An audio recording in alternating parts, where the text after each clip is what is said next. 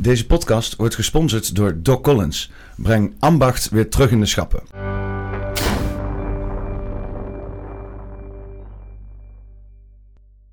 Uh, welkom weer bij podcast, podcast nummer uh, 119, als ik het goed heb. Uh, we zitten hier met Yvonne Bessen. Welkom. Hallo.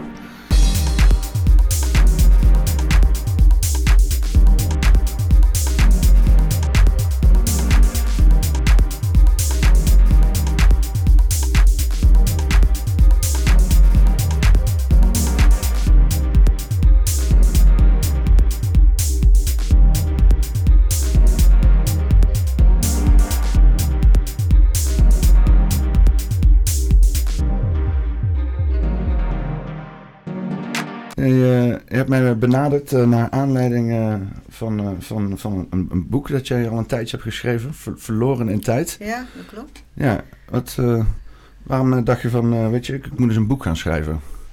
Ja, nou ja, dat is eigenlijk een heel verhaal. ik, dat, is, dat is mooi, dan kunnen we nog even, dan mooi, even doorgaan hier. Kan je lekker boek schrijven? nou, eigenlijk heb ik al mijn hele leven lang zoiets van, wat doe ik hier? Is dit voor een bende op die aarde? Klopt het allemaal wel? Ga je speurtocht zoeken. In mijn tijd was er natuurlijk alleen maar een bibliotheek, hè, nog geen internet. Dus ja, uh, je moet allemaal uit ja, een bijbel hebben of weet ik veel wat. Nou ja, uiteindelijk, na jaren van alles onderzoek, dacht ik, ja, wat moet ik eigenlijk met al die aantekeningen? Hm. Als ik doodga, dan gooi ze het weg en heb ik het allemaal voor niks gedaan. En ik wil eigenlijk die kennis delen met mensen. En toen dacht ik, nou, er zit er maar één ding op. Dan ga ik een boek schrijven. Toen dacht ik, ja, kan ik het allemaal wel gaan opschrijven in de vorm van uh, feiten. Hè. Maar ja, dat vindt ook niet iedereen leuk. Trouwens kan je ook het boek van Dave Dijk wel gaan kopen. Ja. Of uh, Graham Hancock of wat dan ook. Want het heeft overlap met, uh, met David Icke en Graham Hancock? Nou, sommige dingen wel, ja. En toen dacht ik, ja, niet, niet iedereen vindt die droge kost prettig om te lezen. Zeker als je in het begin staat van, nou ja, wat mensen nu noemen wakker worden. Zijn er heel veel dingen die je ontgaan. Waar, waar hebben ze het over? Ik denk, nou, wat lees lekker?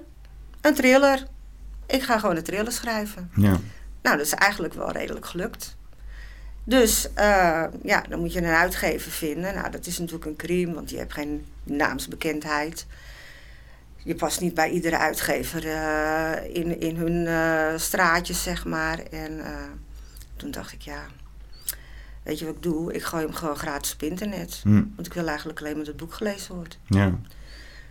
Ja, dat is, uh, dat, is heel goed ontvangen. Ik heb uh, honderden mails gehad van mensen die zeiden van... nou, ik wil het wel lezen. Ik weet ook niet of ze het allemaal gelezen hebben, maar wel verstuurd. En er zijn eigenlijk heel veel goede berichten opgekomen. Maar wat me ook verbaasde was eigenlijk mensen die zeiden... ik herken dit. En dan juist over het Qatar-stuk. Hmm. En het Atlantis-stuk. Dat ik dacht van...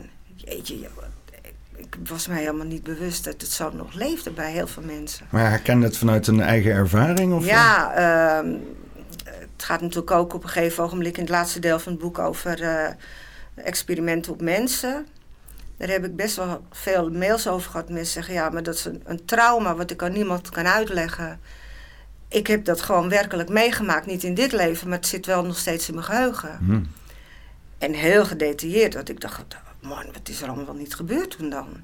Experimenten op mensen? Ja, experimenten op mensen, ja. Zou iets zijn van, vanuit, de, vanuit vorige levens of zo, dat er met mensen is geëxperimenteerd of zo? Ja, ja. en dan moet, meteen, je... moet meteen denken aan de Anunnaki. Aan de Anunnaki, ja, zeker, ja. ja, ja. Dat is wel interessant inderdaad. Want daar, daar gaat het boek natuurlijk ook in een stukje verder, wat het allemaal uh, heeft ingehouden. Zou het dus ook zo kunnen zijn dat heel veel mensen die... Uh, al die, die, die alien-experimentervaringen gewoon een soort van herinneringen zijn uit vorige levens. Dat wij uh, gebioengineerd zijn door, uh, door Anunnaki of ja, zo. Ja, maar dat zijn we ook, ja. Oké. Ja. Maar ook zeg maar van de Kataren, want een uh, groot gedeelte van het boek gaat over wat daar nu eigenlijk gebeurd is. En dat mensen meegenomen worden in dat verhaal, emotioneel worden, zeggen: Ik heb daar gestaan ik ben daar geweest. Ik, ze hebben me daar geslacht. Hmm. En dan denk ik, nou ja, ik had al die reacties helemaal niet verwacht. Ik had zoiets van, nou ja, mensen... Uh, Die vragen dat boek aan, ik stuur het op en ik krijg misschien een keer een mailtje terug van nou was leuk of was niet leuk, weet ik veel wat. En dat is het dan ook. Maar ik was op een gegeven ogenblik, uh, ik had er dagelijks werk aan om al die mails, want ik wil ze dan ook nog een beetje ja, een antwoordje geven, dat. Dus ja, dat kwam eruit voort. En, hoe zijn die aantekeningen dan een beetje tot stand gekomen allemaal? Ja, nou, ik ben eigenlijk begonnen met. Uh, ik ben niet religieus opgevoed, dus ik heb totaal geen kennis van religie. Maar ik dacht van ja, dat is het enige boek wat voorhanden ligt. waar je misschien wat in kan vinden. Dus je leest hem natuurlijk al heel anders dan mensen die religieus zijn. Toen dacht ik, ja, maar er is helemaal niet één God aan het woord hier, maar er zijn er gewoon meerdere aan het woord. En uh, de een is uh, goed voor de mensen en de ander uh, is jaloers en wil een voorhuid en weet ik veel wat allemaal wel niet. Ik denk, ja, maar dit, dit klopt al niet. Nou ja, dan kom je bij een bibliotheek. Gelukkig kwam op een gegeven ogenblik het internet, dan kan je wat speuren. Ja, toen kwam ik op een gegeven ogenblik in dat stuk van uh, René Le Chateau terecht. Dat speelt een grote rol. Het boek van uh, Heilig Bloed, Heilig Graal kwam uit. René Le Chateau, dat is... Uh... Ja, René Le Chateau, dat is eigenlijk een, uh, een, een dorpje in Frankrijk... Oh, okay. waar vreemde gebeurtenissen hebben plaatsgevonden met de pastoor die daar bezig is. En ehm, ja, in mijn beleving heeft die man iets gevonden... wat zijn geloof aan het wankelen gemaakt heeft. En dat heeft wel zeer zeker met buitenaards te maken. Hmm. Maar ja, dan spring ik eigenlijk van de hak op de tak. Geen hè? probleem. Geen probleem, ja, maakt het ook uit. Maar um, ja, ik heb dat allemaal eigenlijk in die trillen proberen te verwerken. Maar dan moet je ergens beginnen. En ik heb uh, dromen, visioenen, belevenissen die ik beleefd heb in mijn eigen leven er ook in verwerkt. Ja. Omdat ze voor mij zo echt zijn. Maar nu de reacties van de mails die ik terugkrijg denk ik, oh, daar ben ik ook helemaal niet de enige in geweest. Ja. Terwijl je dat wel van jezelf denkt. Er is bijvoorbeeld een slaapverlamming. Als ik tegen mensen zeg, ja, ik heb slaapverlammingen, dat je dus wel wakker bent, maar niets meer kan. Mhm. Maar ook voelt dat er iets op je gaat zitten. Dan zeggen mensen, ja, die is hartstikke gek. Nou, je gaat er natuurlijk ook mee naar je dokter, want je denkt, wat is dit? Nou, die man die gelooft dat ook niet. En nu, door het boek, krijg ik mails van mensen die zeggen niemand gelooft mij, maar ik heb dit ook. Ja. Wat is, wat, wat is dit? Op internet zie je daar ook heel veel, uh, heel veel over. Uh, Mensen die die ervaringen hebben en dan zien ze wezens boven hun staan en dat soort ja, dingen. Ja, ik heb echt meegemaakt dat mijn dekbed strak over me heen getrokken werd. En ik probeer mijn man te roepen, maar die hoort mij niet, want ik kan niks. Nou, dat is een vreselijke, akelige ervaring. Hmm. En ik denk dat ik dan ook flauw val of iets dergelijks, want dan word ik s morgens wakker. En dan nou, heb ik eigenlijk een prima dag. Ik voel me eigenlijk ook heel goed. En later in de dag denk ik, verrek, ik heb vannacht die slaapverlamming gehad. Ja. Dus het, het wordt ook weer gewist. Geen idee wat er gebeurd is met me. Ja. Nou, dat wou ik eigenlijk allemaal in die trillen verwerken. En um, ja, dan, ik, ik, moet natuurlijk terug in de tijd, want Kijk, ik volg alles op internet momenteel wat de politiek aangaat, hè, wat er gebeurt. Hè, we, worden bezig gehouden.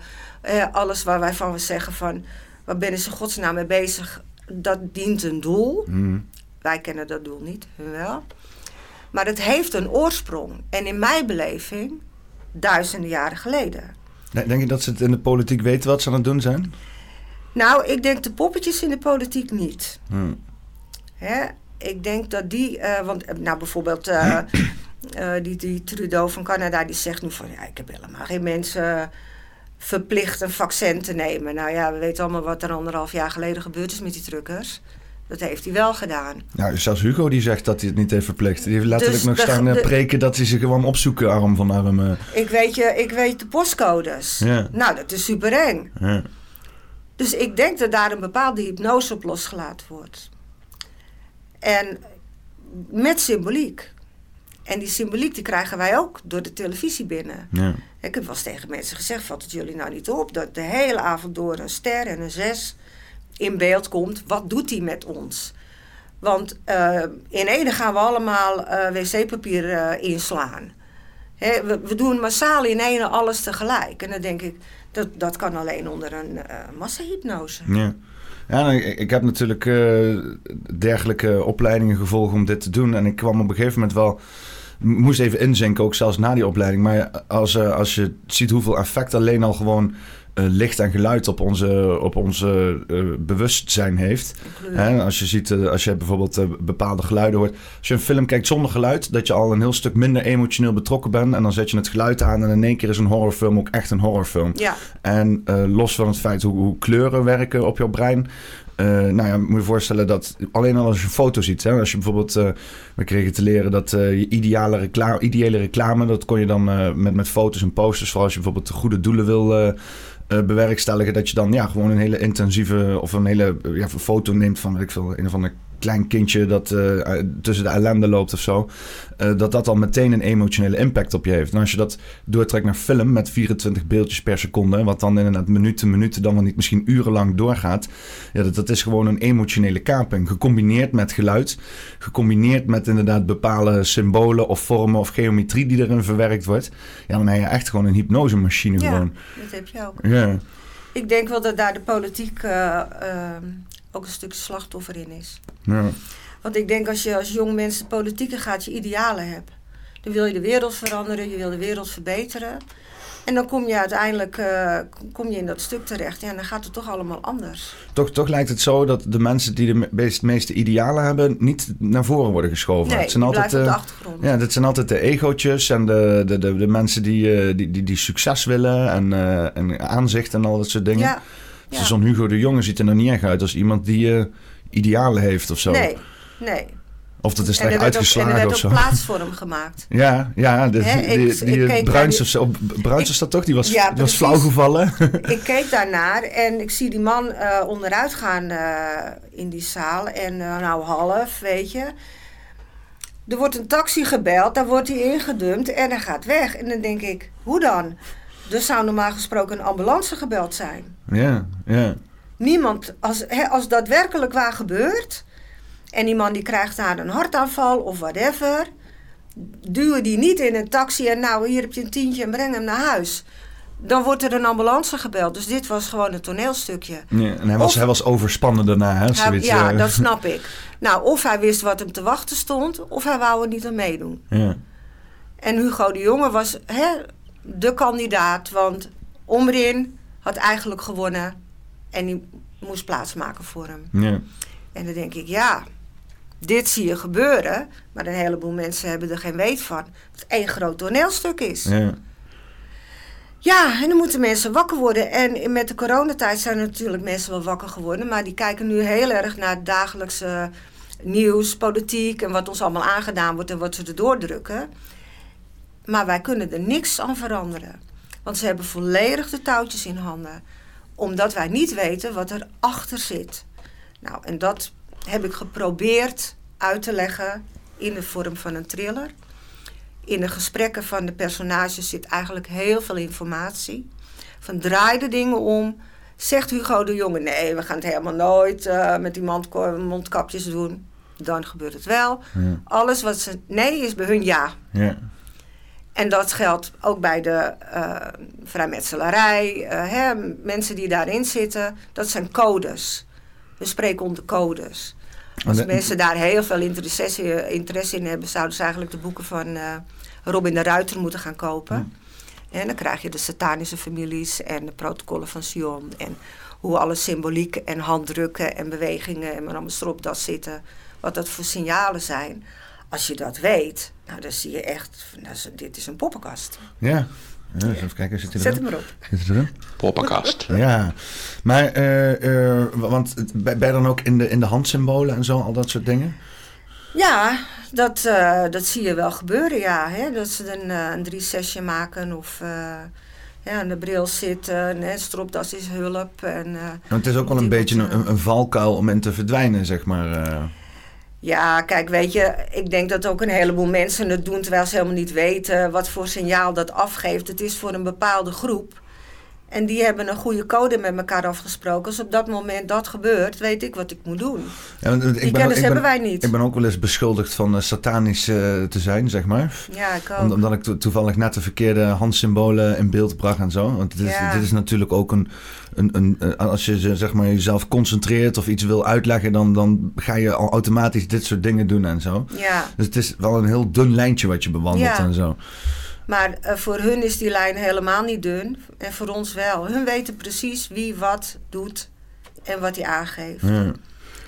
Maar denk, denk dat dat vrijmetselarij ook uh, van top tot bottom daarin gecontroleerd is? Ik heb altijd wel het idee dat daar ook echt mensen zijn die gewoon broederschap zoeken en, en ergens bij willen horen. En misschien een stukje zelfverbeteringen willen aanbrengen en dat soort zaken? Nou ja, kijk, als jij uitgenodigd wordt om uh, bij de loge te komen, hè, je wordt uitgenodigd. Ja, dan kom je eigenlijk in de, in de eerste laag. En dat is, uh, nou, gezellig, man onder elkaar houden, jongens krentenbrood, borreltje erbij. We praten wat uh, over zaken. Hè, want je moet wel een bepaald inkomen hebben, wil je erbij komen. Je moet ook een behoorlijke donatie doen. Daar is niks mis mee. We doen ook wel een goede doelen. Uh, dat, dat, dat is allemaal een. Uh, maar hoe hoger jij in die lagen komt, des te meer kennis krijg jij die jij aan die onderste lagen niet mag doorgeven. Ja. Dus degene die boven jou staat, die heeft meer kennis dan degene hè, die weer onder hebt. Heb jij weer meer kennis over. En zo blijft iedereen eigenlijk op zijn eigen niveautje staan. En komen er nooit geen echte dingen naar buiten. De, de ultieme compartmentalisatie. Uh. Ja, ik ben één keer uh, op een open dag geweest. Was uh, nou, alweer tien jaar terug volgens mij, of twaalf jaar terug. Was een open dag. Nou, ik denk, moet ik toch maar een keertje naar binnen. Maar ik denk, ik moet toch maar, ik moet toch maar met chaperone of zo. Hè? Als vrouw een herenlogement. Ik denk, ja, dat moet helemaal niet. Nou, het staat er echt bol van symboliek. Je, uh, ik kwam op een gegeven ogenblik in hun uh, rituele ruimte. Ja, dan zie je echt wel de symboliek. Hè? Eh, de zodiac is er, het alziende oog. Ehm, zwart-wit getegelde vloer. Die dingen komen bijvoorbeeld ook voor in die kerk in Renelle Chateau. Mm. Dat maakt dat daar heel interessant. Dat is echt een metselaarskerk. als, ehm, Jezus is daar niet, die staat buiten. Maar het is de duivel die uh, de deur voor je open doet. En, en uh, die heet een Asmodeus. Een uh, opperduivel die meegeholpen heeft aan de tempel van Salomo. En dan denk ik, ja, wat is daar? Dat moest ik natuurlijk zien. Ik ben daar geweest. En dan ben je ook in het gebied van de Kataren. Dus dan ga je natuurlijk ook nog even verder kijken. Maar um, die dominee, die heeft eigenlijk alles ook op zijn kop gezet. Hè? Jaartallen staan op de kop. Uh, van de Alpha en de Omega. Hè, dan bedoelt hij dan Jezus en Johannes de Doper mee. Die zijn omgekeerd. Uh, Maria en Jozef hebben allebei een kind. Dus zou je zeggen, nou, ze hebben een tweeling gehad. Eigenlijk komt het in Matthäus ook voor. Dat de engel tegen Jozef zegt, als je een uh, kind geboren wordt, noem je hem Immanuel. Later noemt Jozef hem Jezus. Dus dan denk je, zijn twee kinderen geweest. Wat heeft hij pastoor daar dan eigenlijk bedoelt. Nou, het is allemaal super interessant, dus daar heb ik me allemaal in lopen verdiepen. En uh, ja, nou, dat heb ik geprobeerd een beetje uit te leggen in het boek. Wat het allemaal een beetje inhoudt en wat hij gedaan heeft. ik heb me wel aardig wat verdiept in vrijmetselaars. En ik vind dat wel uh, een uh, fascinerende groep mensen, zeg maar. Ja. In, in Amerika heb je hier de Shriners. ja. die, die vinden het leuk om één keer in het jaar in hele kleine autootjes te rijden. Wat maak je hiervan dan, van dit soort uh, dingen? Ja, ik, denk dat dit gek aan stekerij is of zo. en ik, ik, kreeg ook altijd het idee dat ze dan zeg maar een uh, soort van naar buiten treden onder bizarre omstandigheden, zodat ze niet al te serieus genomen worden. Ja. Ze hebben ook allemaal een vest op, hè? Ja, ja. In principe eh, beleven hun allemaal uh, het uh, islamitische stuk. Ja, want dit is ook inderdaad. Uh, het is wel in Amerika opgericht, maar vanuit een of andere Midden-Oosterse-achtige uh, leer of zo. Of uh, ja. en, en daar hebben ze dan een of andere, hoe noemen we dat nou, aparte groep opgericht ook weer. Want je moet hier voor 33 graads Mason zijn en dan die Scottish Rite ook hebben, hebben afgerond. Ja. En dan kan je inderdaad uitgenodigd worden voor Shriners. En dan mag je één keer in het jaar op autootjes gaan mag rijden. Mag je op een autootje rijden, ja. nou, misschien is het wel een soort ontgroeningstruc van weet ik veel wat. Maar ik vind het wel altijd apart. apart hè. Zo, iedereen met een... het maakt niet uit wat voor geloof je hebt, je mag erbij. Zelf zeggen ze geen geloof te hebben, maar dat is ook niet helemaal waar. Maar ze dragen wel allemaal een vest. Ja. En dan denk ik, ja, weet je, daar kijken misschien heel veel mensen overheen, maar het is toch symboliek.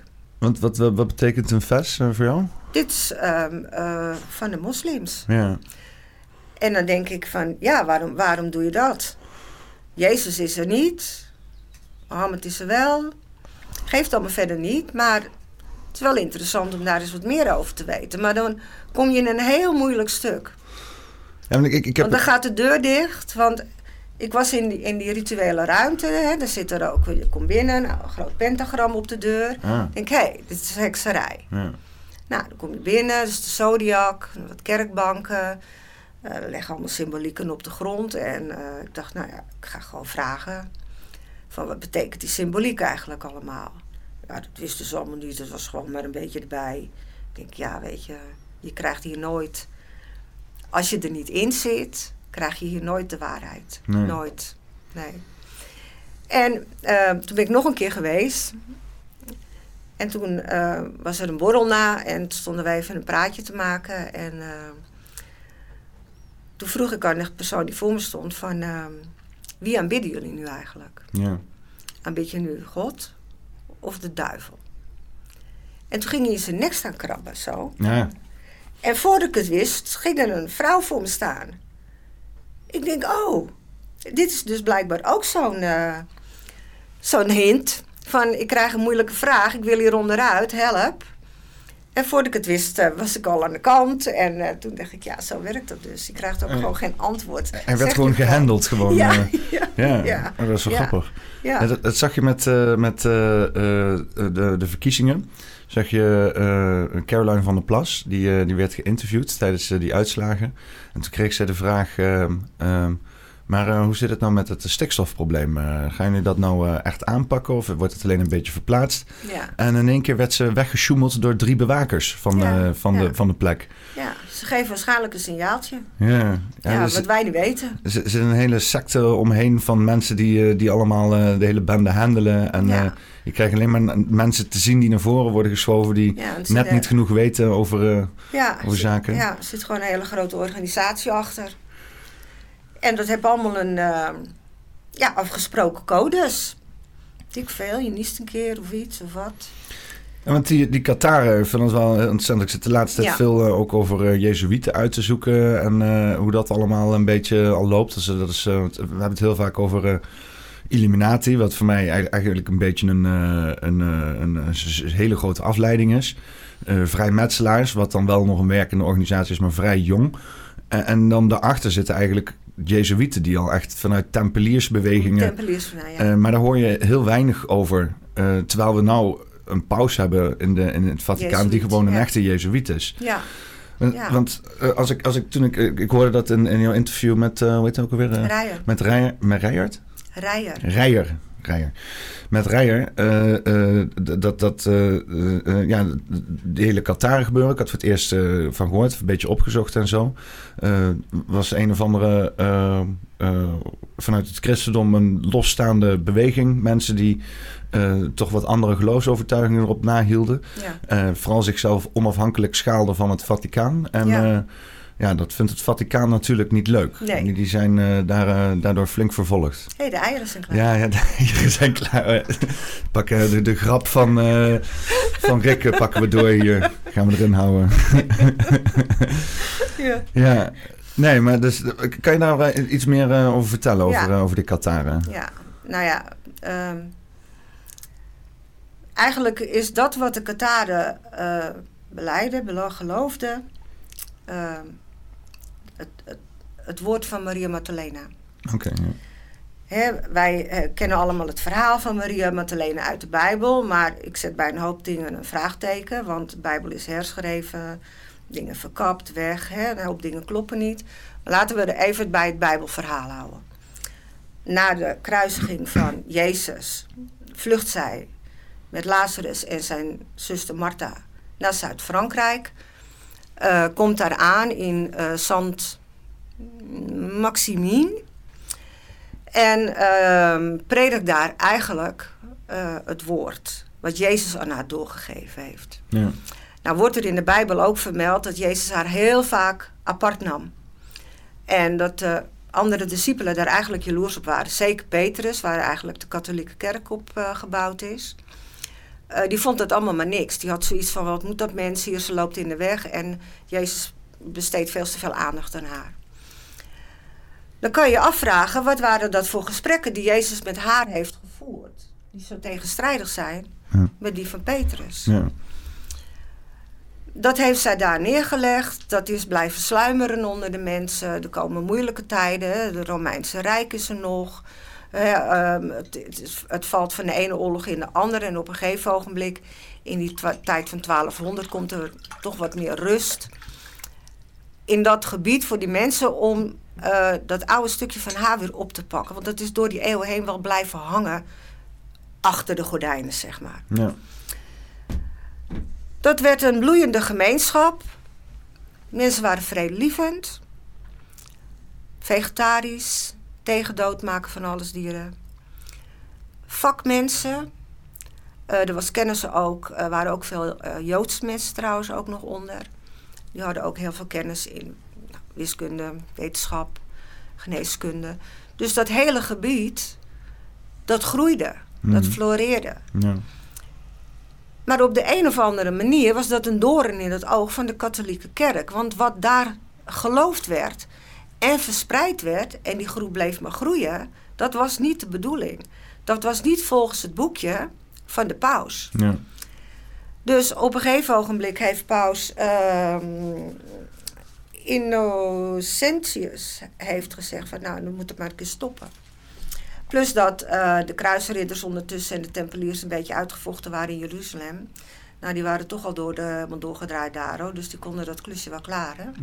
Ja. want het gaat natuurlijk over slachten.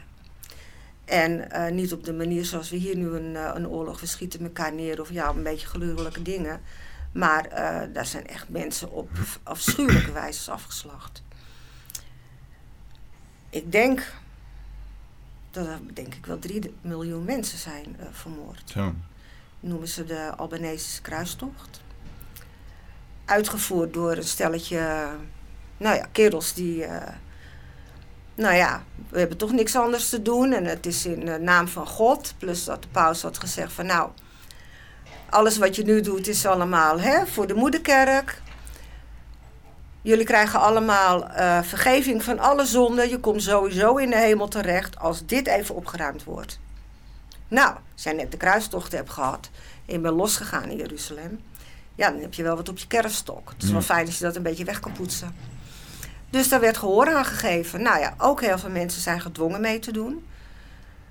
Kan je ook een beetje vergelijken met deze tijd. Hè? Mensen worden toch gedwongen, zeker toen uh, met het corona gebeuren, van ja, toch maar meedoen, want anders val ik buiten de boot. Of hè, werk, of in mijn gezin, of wat dan ook. Hè. Nou ja, dan word je erin getrokken en dan sta je aan die kant.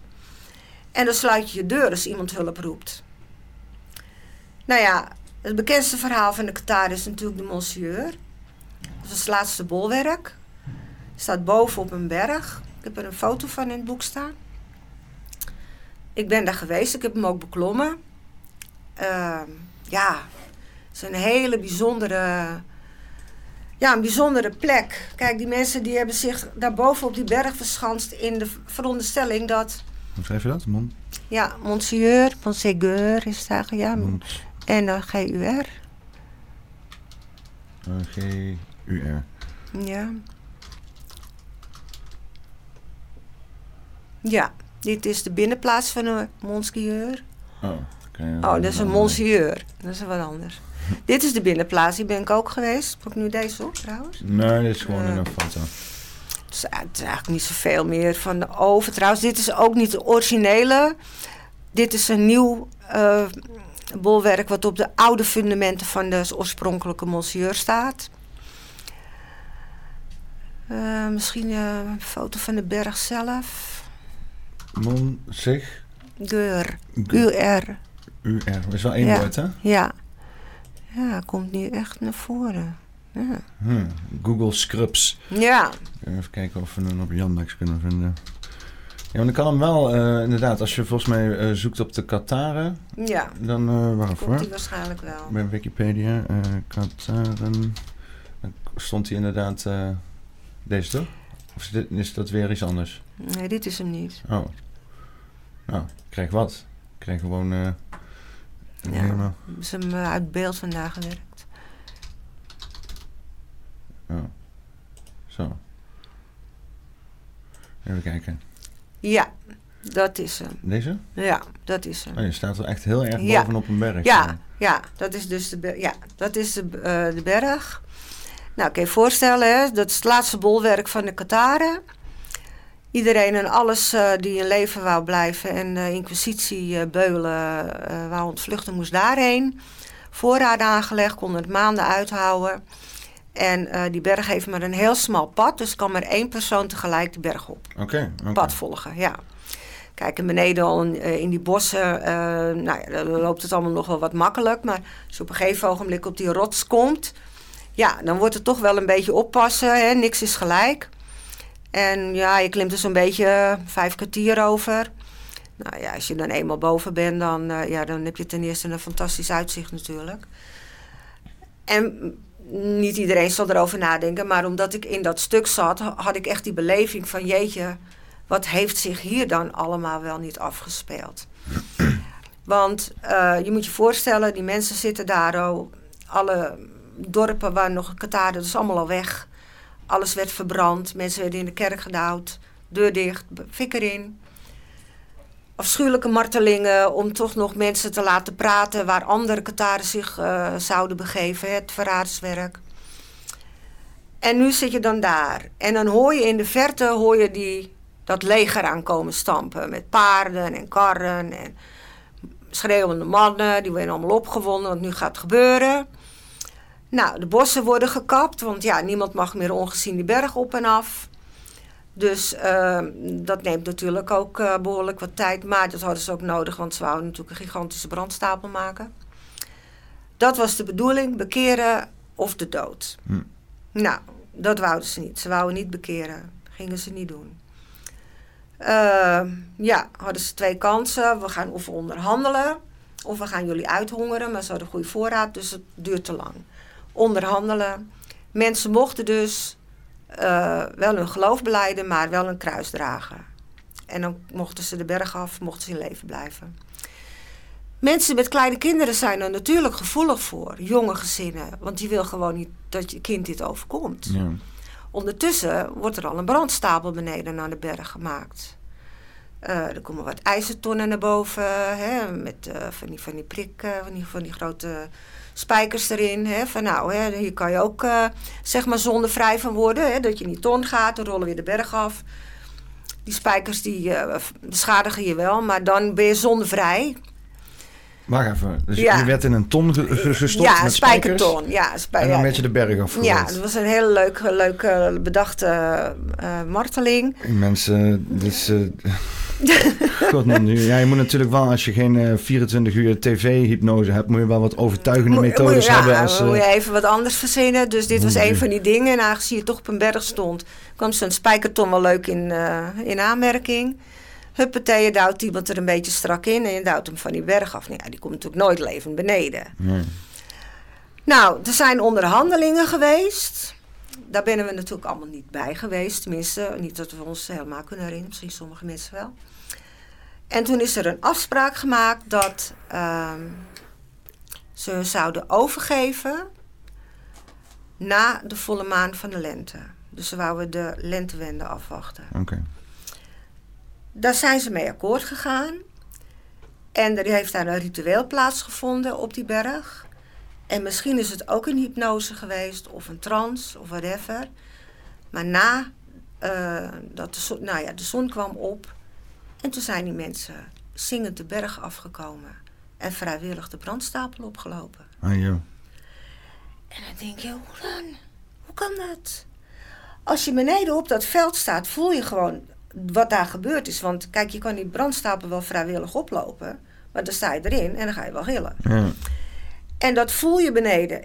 Dat borst, dat deugt ook helemaal niet als je daar nu rondloopt. Want ondertussen is alles wel weer begroeid en groen. En hè, dat is allemaal verdwenen. Het is vervaagd, het is bedekt.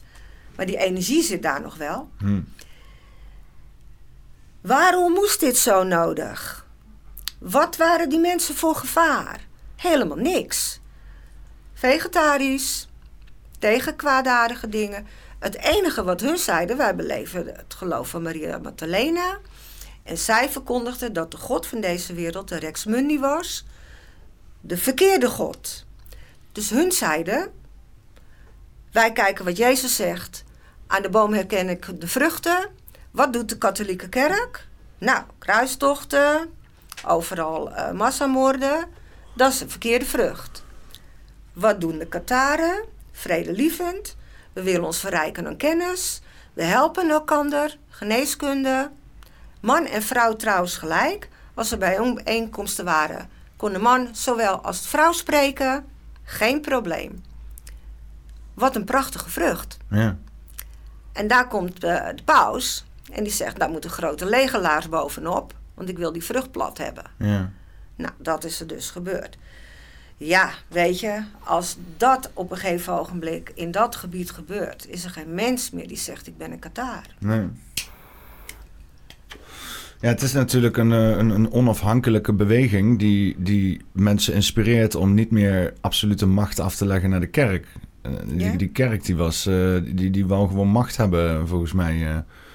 zoals ik het zie, is dat hele christendom is gewoon een voortzetting geweest van de, de, de macht van Rome. Ja. En, uh, en die hebben dat uh, vertaald in iets waar uh, alle natuurgelovigen, zoals de kerk dat zo mooi noemt, paganisten. Ja. Daarom heb ik ook een beetje een hekel aan het woord paganisten. Want het is zo'n zo'n kerkse, zo'n ja, katholieke blik, ja, blik op, op de, de natuurvolkeren die hier gewoon onafhankelijk wouden zijn. om het weg te zetten als, als iets minders of zo.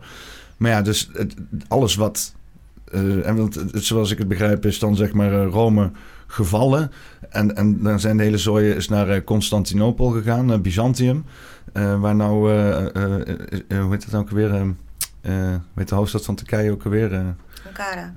Oh nee, die, ik bedoel dan de, die, die, wat nu, waar de Hagia Sophia staat en zo.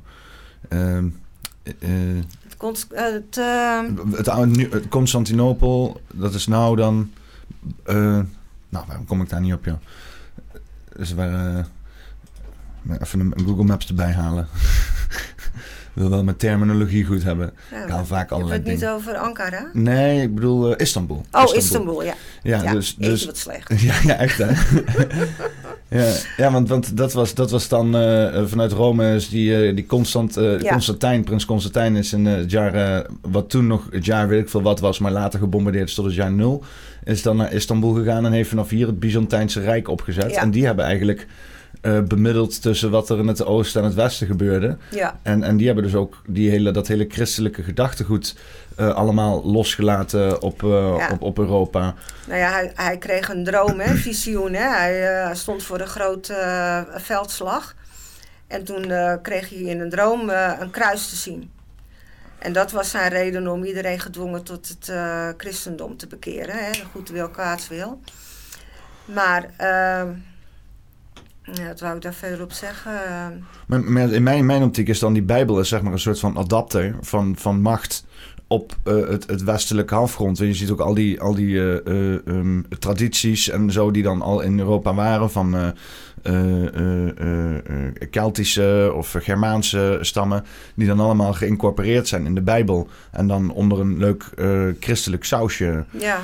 Ook allemaal een beetje gemengd met Romeinse geloven en zo. Nou ja, kijk, het Romeinse Rijk dat stortte in.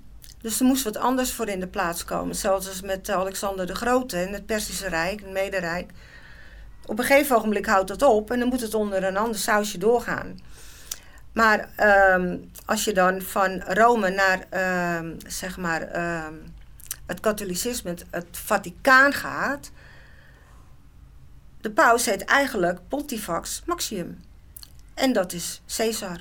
Ah, ja. Dus de naam Caesar gaat gewoon door in de paus. Ja. En dan denk ik, ja. Het Romeinse Rijk is helemaal nooit gevallen. Nee, is helemaal niet weg. Nee. Nee, het is helemaal niet weg. Het heet ook niet voor niks Rooms-Katholiek natuurlijk. Nee, ook dat nog. Ja, oh, het sterk. maar, maar ja, het, het, het, dus, dus als ik dan inderdaad dat soort dingen hoor van... oh, je hebt hier allerlei onafhankelijke bewegingen zoals Kataren... En die zijn gewoon uitgemoord. En dat, dat is dan, want het is ook helemaal gescrupt uit de Bijbel volgens mij. En uh, ja. je, ziet het, het is ook zelfs nog uh, hier op Google allemaal niet heel makkelijk te vinden. Nee, eh, steeds minder trouwens. Ja. Valt mij op. Ja, Google die is, zegt, uh, ik, had, ik had het er gisteren toevallig nog over. Uh, Wikipedia en zo en, en, en, Google en sommige sites en zo, dat is langzamerhand allemaal aan het verdwijnen. Ja. Je gaat steeds minder vinden. Ja. Dus hetzelfde wat ze in de Bijbel hebben gedaan, steeds aangepast, steeds dingen eruit geschrupt van geschriften die allemaal onwel, onwelvallen, niet handig waren voor de machtsgreep die het Rooms-Katholiek heeft. Zo wordt dat, is dat nu in de 21ste eeuw, is dat nog steeds gaande, alleen ja. op het internet. Ja. Nou ja, en niet alleen uh, op Google, maar ook op uh, YouTube. Want ik heb een hele lange tijd uh, Jordan Maxwell gevolgd. Nou, die man, dat was echt een encyclopedie. Die was, ja, vorig jaar maart is overleden, was 84. Maar die heeft echt 65 jaar lang zijn eigen verdiept en geprobeerd mensen alles te vertellen. En er staan duizenden interviews van hem op. En momenteel dat worden er steeds minder. Hmm. En dan denk ik, want ik wil nog eens een interviewtje nakijken van, weet wat zei hij toen ook alweer? Nou, is niet meer terug te vinden. Ik denk, hé, hey, dat is ook apart, hè? Informatie die heel erg belangrijk is, die verdwijnen. En het is niet de bedoeling dat wij weten wat er aan de hand is. Een, een advies is om, uh, als je op YouTube niet kan vinden... en je weet zeker dat het filmpje bestaan heeft... om af en toe naar Yandex te gaan. Dan diezelfde zoektermen te vinden. Dan krijg je het filmpje wel in één keer te zien, zeg maar. Want vaak staat het nog wel op YouTube. Alleen is het niet geïndexeerd. Ja. Maar uh, ja, dat duurt ook niet lang meer. Uh... Nee, het gaat allemaal. Ja. Want alles staat onder de macht van hun. En ze laten het toe zolang hun het goed vinden. We moeten niet denken dat we aan het winnen zijn hoor. Ja, het moet ook niet te snel gescrupt worden, want dan worden mensen achterdochtig inderdaad. Ja, uh... valt op. Stapje voor stapje gaan ze een stap te hard, doen ze nog een stapje terug. Oh, uh, moet even excuus aanbieden. En dan uh, gaan we weer door op de oude voet. En dan volgend jaar doen we het weer. En dan zijn we al aan dat eerste stapje gewend. Nou, dan kan nu die tweede er wel bij. Want de mens heeft blijkbaar maar een, een, een korte termijn geheugen. We zijn alles alweer vergeten. Hè? Van, ach, nou ja, dat was toen. En we nou maar weer verder. En ja, dat is prima. Maar ondertussen is de fuik uh, behoorlijk dicht. Ja. En uh, niet iedereen heeft er last van totdat die vacuüm getrokken wordt op jou. En dat je er dan wel last van krijgt. Ja, dan, ja het is allemaal al te laat. Het is al te laat. Ja. Want, ja. Uh, uh, je hebt dus zeg maar al deze dingen in je boeken verwoven. en als hoofdspeelster is het Yvette, als ik het goed heb. Ja. ja. Kan je wat vertellen over Yvette? Ja, nou ja, Yvette die heeft eigenlijk gewoon lekker een leventje. En dan overlijdt de moeder. Bij het leeghalen van het huis ziet ze eigenlijk, uh, komt ze erachter dat de moeder een dubbel leven had. In de vorm van zich bezighouden met hekserij, occulte zaken. Uh, daar had zij helemaal niks mee, maar ze droomt die nacht dat de moeder tegen haar zegt: Dit moet je wel meenemen. Doe dit niet weg. Dus alles wat daar is, neemt ze mee naar huis. Nou ja, dan begint het natuurlijk te spoken in huis. Het moet ook een beetje trillen worden. Maar bij de erfenis van de moeder zijn grimoires. En in de grimoires, dat zijn dagboeken, heksendagboeken. Oké, ja. Nou ja, heksen, er, staan rituelen in voor weet ik veel wat allemaal. Kwaaltjes of uh, voor inbraak. Of, nou ja, ik kan helemaal dingetjes voor doen. Maar dit zijn eigenlijk dagboeken die een belevenis vertellen van haar moeder en haar grootmoeder. Nou, die hebben zich ook met duistere zaken uh, bezig gehouden. En die zeggen, ja, wij moeten eigenlijk de atam terugvinden. Want binnen de vrouwenlijnen van de hekserij is een profetie dat er een wapen is die een dimensie kan openen, waardoor er eigenlijk onze hulp binnen kan komen. Nou, een atam is een ritueel mes. Gebruik je om kruiden te snijden of een cirkel te trekken. Of nou, ja, gebruik je binnen een ritueel. Gaan hun op speurtocht van waar is die gebleven? Want ja, dat profetie in die vrouwenlijnen, dat is allemaal al zo oud. Het zal allemaal wel niet meer waar wezen. Maar er waren aanwijzingen dat Yvette die profetie wel eens kon wezen. Hm. Dus die atom die moest boven water komen. Waar is die atom? Als je bijvoorbeeld een atom echt eh, wil zien, eh, tijdens de kroning van Charles is er een atom gebruikt waaraan je kan zien, dit was een heksenritueel. Is dat zo? Ja. Er loopt een vrouw in het blauw en die draagt een zwaard. Ja, dat gaan we natuurlijk niet vinden. Eh, even kijken of Prins Charles. wat is het? Coron- eh, coronation. Had je trouwens die, die Grim Reaper gezien? die voorbij kwam tijdens de. Hein, Ja, kwam Hein voorbij. Hein. Ja, kan ook even symbolisch aanwijzingje zijn dat we nu de volgende fase ingaan. Even kijken, ja, ik denk dat we dat niet. eh, Hij staat hier nog niet op. Want wat is een. eh, een eh, eh, dan even los van eh, Prins Charles. Oh, dan krijg ik een. eh, eh, hoe schrijf je het zo? Schrijf ik het zo goed? Eh, nou, zonder bril kan ik dat trouwens niet A- A- lezen. Nee. A-T-A-U-M-N? Nee, het is A-T-H-A-M-E. A-M-E. E. Oh. A-M-E. Nou, ja, dat. Is, is dat nog gemaakt van een speciaal materiaal of zo? Nou ja, in mijn boek natuurlijk wel is het buitenaards. Maar eh, ja, weet je, ehm, ik zeg altijd maar, de grootste tovenaar heeft geen staf nodig. Maar als jij rituelen gaat doen, doe je dat natuurlijk met de gedachtegang. En dan heb je een ondersteuning nodig van eh, attributen, wierook of een atom of stenen. Dat versterkt de gedachte. Maar het kan ook een aardappelschilmesje zijn als je niks anders hebt.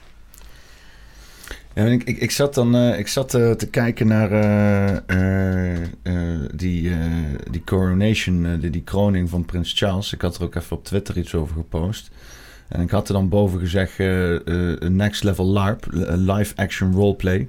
Dat die mensen een soort van, ja, een, een, een, een rol spelen of een, een, een spel uitspelen. Kijk, hier staat ze. Die, Ja, kijk, zij draagt, loopt voor hem uit. Dus, dus die vrouw in blauw Ja, hier inderdaad, Ja, dat is de, en die is heeft een, een, ja, dat is een zwaard. Die kan je ook als atom gebruiken. Oh ja. En, en, wat, wat, en dat, dat opent dan zeg maar een soort van dimensie. Nou ja, de punt staat omhoog, dus de energie gaat sowieso omhoog. En ehm, zij loopt eigenlijk nu voor een priester uit, hè, want hij heeft ook een paars gewaad aan. Dat is een hoogpriester. En die, die, die, die kroon die zit ook echt vol met allemaal tierenlantijntjes. Ik Ja. dat dat... Ik, eh, ik heb heel moeilijk kunnen zien of daar nog... eh, Het is natuurlijk ook allemaal een hoop eh, juwelen en... Kijk je, al die mensen zoveel tierenlantijntjes. Ja, want het is... Het ik- staat er vol van symboliek, hè. Dan ken ik ook niet alles uit mijn hoofd hoor. Ik moet ook als een boek openslaan. Maar ik heb er ook even naar gekeken. Ik, ik deed de tv en toen kreeg je net die kroon op. En ik zag haar constant ook in beeld komen. Toen dacht ik, kijk, zij is echt een priester lang gewaad. ja. Ja. Eh, Is dit een... eh, want ze, ze, is, ze is niet heel, eh, heel oud of zo. eh. Nee, maar dat hoeft ook niet. Het doet me een beetje denken aan eh, het, eh, eh, eh, bij, de, eh, bij de Romeinen dat je dan eh, soms som, som, ehm, eh, eh, eh, een maagd had of zo of iets. Waar dan die, eh, die heilige ook dan had je een zo'n vrouw eh, ook in een eh, eh, gewaad op een berg. En dan gingen dan die eh, priesters heen en eh, die gingen, ja, hoe noem je dat nou? Een soort van omen of een... ehm, ehm, een, eh, een, eh, een orakel. Het orakel. Oh, het maar. orakel. Dat ze, ja, dat ze ziender was. Dat ze zeg maar de toekomst kon voorspellen. Hè? Ja, dat ze ja. gingen heen om eh, te horen van... Win ik? Overleef ik dit? eh, wat gaat er gebeuren? Ja. En dat zie je in die film van, eh van eh 300, waar ze die, eh, dat is dan de Grieken zeg maar, die Ja, Spartanen, die gaan. Ja. voor de oorlog ook naar het orakel toe. Ja. En dat is dan een jonge dame, een maagd vaak, en die, die zit daar een beetje mooi te wezen. En dan gaan ze daarheen, doen ze een offering en dan doen zij, doet zij de voorspelling van, Ja. van, van wat er gaat gebeuren. Ja, ik moet zeggen, als je ehm, denkt dat je een engel of een entiteit naast je hebt die het goed bedoeld met je heeft, maar af en toe een offering vraagt in de vorm van, eh, nou doe maar een bloemetje of een dingetje of een datje, meteen ophouden met de hap. Ja. Ja, en ik, ik, ik heb zelf altijd, ik sta heel, ik heb altijd heel nuchter in het leven gestaan. Ja, Het begint rustig aan van me af te druipen af en toe. Maar uh, uh, ik kan me wel zeg maar, een soort van psychologische inwerking sowieso inbeelden. Waarbij als je gewoon onzekere tijden tegemoet gaat, het heel fijn is om jou en de hele, alle mensen die daarbij betrokken zijn op één lijn te krijgen. Dat, dat, dat iedereen gewoon in diezelfde energie zit van oké, we gaan dit samen doen. Dit is de uitkomst. Uh, en, en als jij jezelf uh, die uitkomst kan uh, inbeelden, zelfs als een Max Stappen dat doet bij een race, hè, dan gaat hij in zijn hoofd, ja, gaat hij de hele reisreden in zijn hoofd. Ja. Uh, heb hem al gereden. Ja, inderdaad. Dat, ja. Dat, dat, dat hun dat dan ook doen. En dan het liefst met zoveel mogelijk uh, poeha eromheen... om ja. dat ook daadwerkelijk te bewerkstelligen. Ja. Ja, dat, maar zo werkt het ook. Ja. Het is de kracht van de gedachte die uh, de werkelijkheid manifesteert. Ja. Maar omdat wij daar eigenlijk uh, mee in de kinderschoenen staan... voor een groot gedeelte, hun niet natuurlijk... hebben wij attributen nodig... Hè, en dan ga je een wierookje branden of een gongetje of uh, een muziekje erbij. En, een beetje aankleden. En wij zitten natuurlijk onder een dogma dat de goden altijd offers kregen. Maar God heeft helemaal geen offer nodig. Die, die heeft geen huis, die heeft geen auto. Je hebt niks nodig. Je hoeft hem niks te geven. Je bent een deel, dus het hoeft helemaal niet. Dus op het moment dat mensen contact krijgen met entiteiten, en een hoop mensen vinden het super interessant, het is helemaal geweldig, oh, ik heb nou een entiteit. Zo gauw er iets gevraagd wordt, al is het maar in de vorm van een bloem, weg ermee. Want dan zit je aan de verkeerde kant. Want hij kan jou wel zien, maar jij hem niet. Nee. En het kan heel lang goed gaan, maar het gaat een keer in je nadeel. Ja, want een, een bloedoffer of zo, zo'n offer op zich, uh, ik heb het daar ook over gehad uh, in een podcast uh, van Koningsdag. dat, dat militairen dat in een zekere zin doen, een, een offer ja. brengen. Ja. dat, dat, dat werkt psychologisch ook gewoon als een, als een extra element om toewijding te genereren. Hè? Als jij bijvoorbeeld, en dat zag ik heel erg duidelijk tijdens de pandemie, dat mensen die iemand verloren hadden in het thema van uh, uh, datgene wat verteld werd, dat ze extra toegewijd werden tot het narratief wat op dat moment aangeboden werd. Ja. Hè? Dus dan probeerde ik te zeggen van hé, hey, maar dit virus is allemaal niet zo gevaarlijk als dat het gepresteerd wordt. Ja, maar ik ben er iemand aan verloren. Ja, ja maar ik heb mijn die verloren, dat verloren. Ik heb deze pijn of trauma ervaren. Dus daarom is dit wat mij verteld is, is uh, waar. extra waar. Ja. Ja. is waar. Ja. Ja, en die persoon was misschien even goed overleden. Ja, ja, daarom. Het is maar net hoe dat, het... eh, hè? dat is natuurlijk ook de grote truc waar hun mee werken. Wij kunnen nooit zeggen, als we het niet hadden gedaan, was dat zeer zeker gebeurd.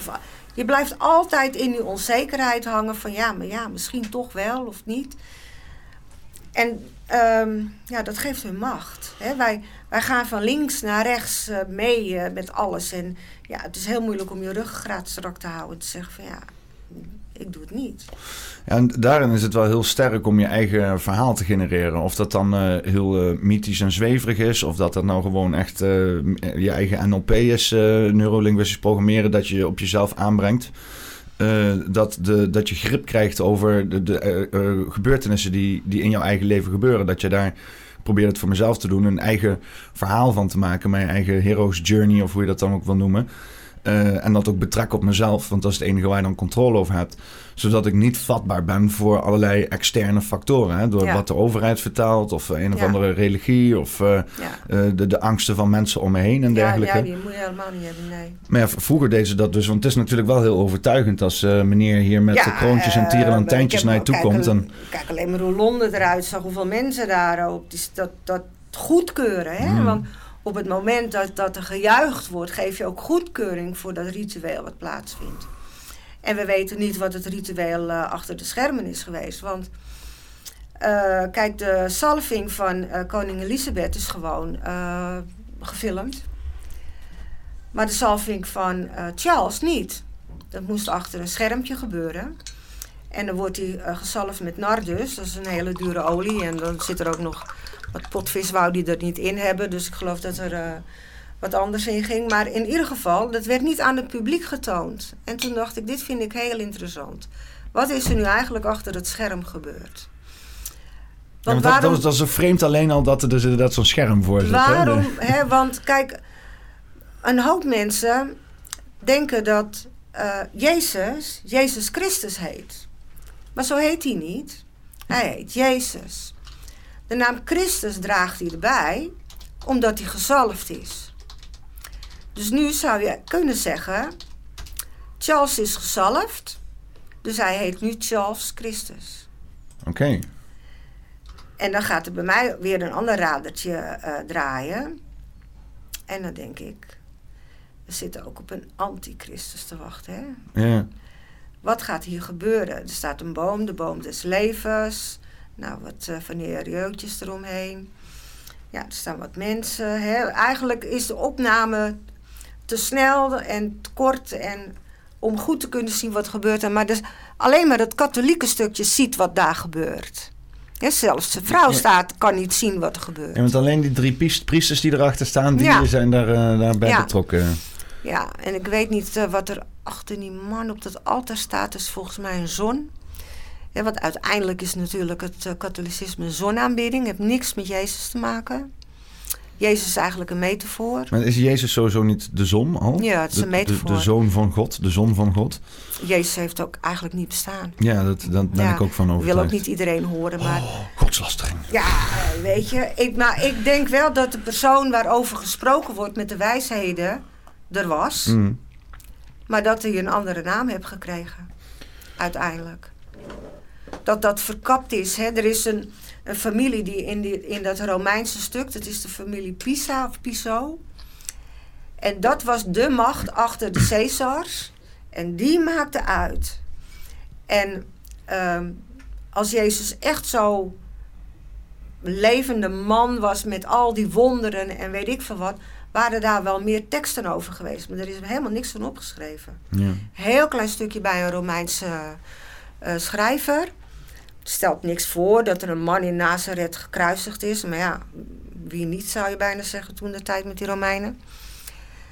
Dat zijn allemaal zaken die zijn super interessant en moeten nodig uitgezocht worden. Hoe zit het nu werkelijk? Want we zitten dan nog steeds in een leugen. En dan lopen uh, eh, 2,3 miljard mensen achteraan. En als die allemaal in dat stuk blijven staan met offeringen en het bloed en de wijn uh, gebruiken en het brood en het lichaam, wat cannibalisme is. Wat ben we aan het doen dan? Wat houden we in stand? Want de hele wereld roept al duizenden jaren, eeuwen, God help ons. Nou, het wordt hoog tijd dat hij komt. Het is bijna misdadig dat hij nog niet geweest is. Of, of, of is hij er al en zien we hem gewoon niet? Ja, waar is hij? Ik denk wel dat ik met zekerheid kan zeggen dat hij niet in Arnhem woont. Maar Ik zit wel dicht bij God hier zo. Je zit wel hoog, ja. Nee, ik denk dat wij ehm, de betekenis van God ook helemaal verkeerd geïnterpreteerd hebben gekregen. Wij hebben met een individu te maken die eten wil hebben, die bloed wil hebben, die rijkdom wil hebben, dure paleizen wil hebben. De kracht waar wij uit voortkomen is niet meer dan een energie van een bewustzijn die zichzelf manifesteert om te kunnen groeien. Ja. En dat doet hij door middel van alles. Er zijn ontelbare miljarden deeltjes losgegaan in bewustzijn, passief, actief, gecodeerd. Alles doet precies wat het doen moet om in die grote heelal universum alles op orde te houden, zodat alles ook kan gebeuren. Dat heeft geen offering nodig. Dat heeft geen kerk nodig. Nee. 4000 eh, jaar geleden was dit er ook niet. En toen was die God er ook al. Dus wat zijn we met z'n allen in stand aan het houden? De wereld zoals die nu is? Of moeten we zeggen, hier houden we mee op en eens gaan eens kijken wat er dan gebeurt? Want zoals het nu gaat, kan niet goed gaan. Eh, ken je Mickey van Leeuwen? Ja. hij, hij, noemt het altijd mooi uh, de entiteit die zichzelf God noemt. ja, precies. Ik denk dat wij met het voortzetten van de Anunnakis te maken hebben. Iedere, keer, iedere keer in een ander plaatje. De, de, de Anunnakis. Anu, de anu, oh ja, ja. Anunnaki. Eh, ja. ja, ja. Wat zei ik? An, Anunnaki? Ja. Uh, iets met Uyaki. ja, oké. iets. Uh, want, en de Bijbel laat daar dingen van terugkomen. Want in de Sumerische kleitabletten, die toen vertaald zijn door Zacharias Stitchin komen de verhalen naar voren die ook in de Bijbel verteld worden. Dus dat is toch wel, heeft dat een overeenkomst met elkaar. Ja. In die Sumerische kleitabletten wordt duidelijk beschreven dat ze hier op aarde komen en ehm, hier de boel een beetje gaan lopen runnen. Maar dat is na Atlantis gebeurd. ja, na Atlantis. Ja, Hm. niet voor Atlantis. Ja, ik had, laatst hadden we in de Discord eh, een beetje een soort van eh, uit de hand gelopen eh, Teams eh, speak meeting, zeg maar. Eh, zaten we ook, eh Def P, eh, is Pascal Griffioen, is de, de, de, de, frontman van, van oude rapgroep. Kom, kom ik er nou ook weer niet op. Ik kan je niet helpen, ik heb geen idee. Nou, maakt niet uit. Daf P in elk geval. Eh, een van de eerste hiphoppers van Nederland. Maar die is nu, eh, die is, die is, eh, die, is nu gaan schilderen. Maar, maar die heeft ook een heel hoorspel plus rap gebeuren gemaakt over de Anunnaki. Die heb ik in de auto liggen. En eh, ehm, die, die, die heeft ook op basis van het boek van Zachariah Sitchin... ik heb die, die, cd nu al een paar keer geluisterd... zaten we daar ook over te praten en zo. En het, het, het, het, het, we kwamen toen tot de conclusie van... Ja, dit hoeft helemaal niet na Atlantis te zijn. Dit kan ook voor Atlantische verhalen zijn. Omdat natuurlijk die Sumerische kleitabletten... die zijn wel na Atlantis gevonden. En die zijn geschreven door eh, de Sumeriërs. Maar dat kan ook een verhaal voortgezet zijn... uit tijden wat in Atlantis, voor Atlantis... of whatever gebeurd eh, is. Want je ziet natuurlijk dat verhaal... eh, overal voortkomen. Ook die Indus Vallei eh, eh, de, de Egyptenaren. Dat, dat, dat, dat, dat verhaal van... van ehm, eh, eh, wezens die uit de hemel komen en ons de les, of de, de, de, het leven geven, zeg maar, wat wij nu leiden, zeg maar.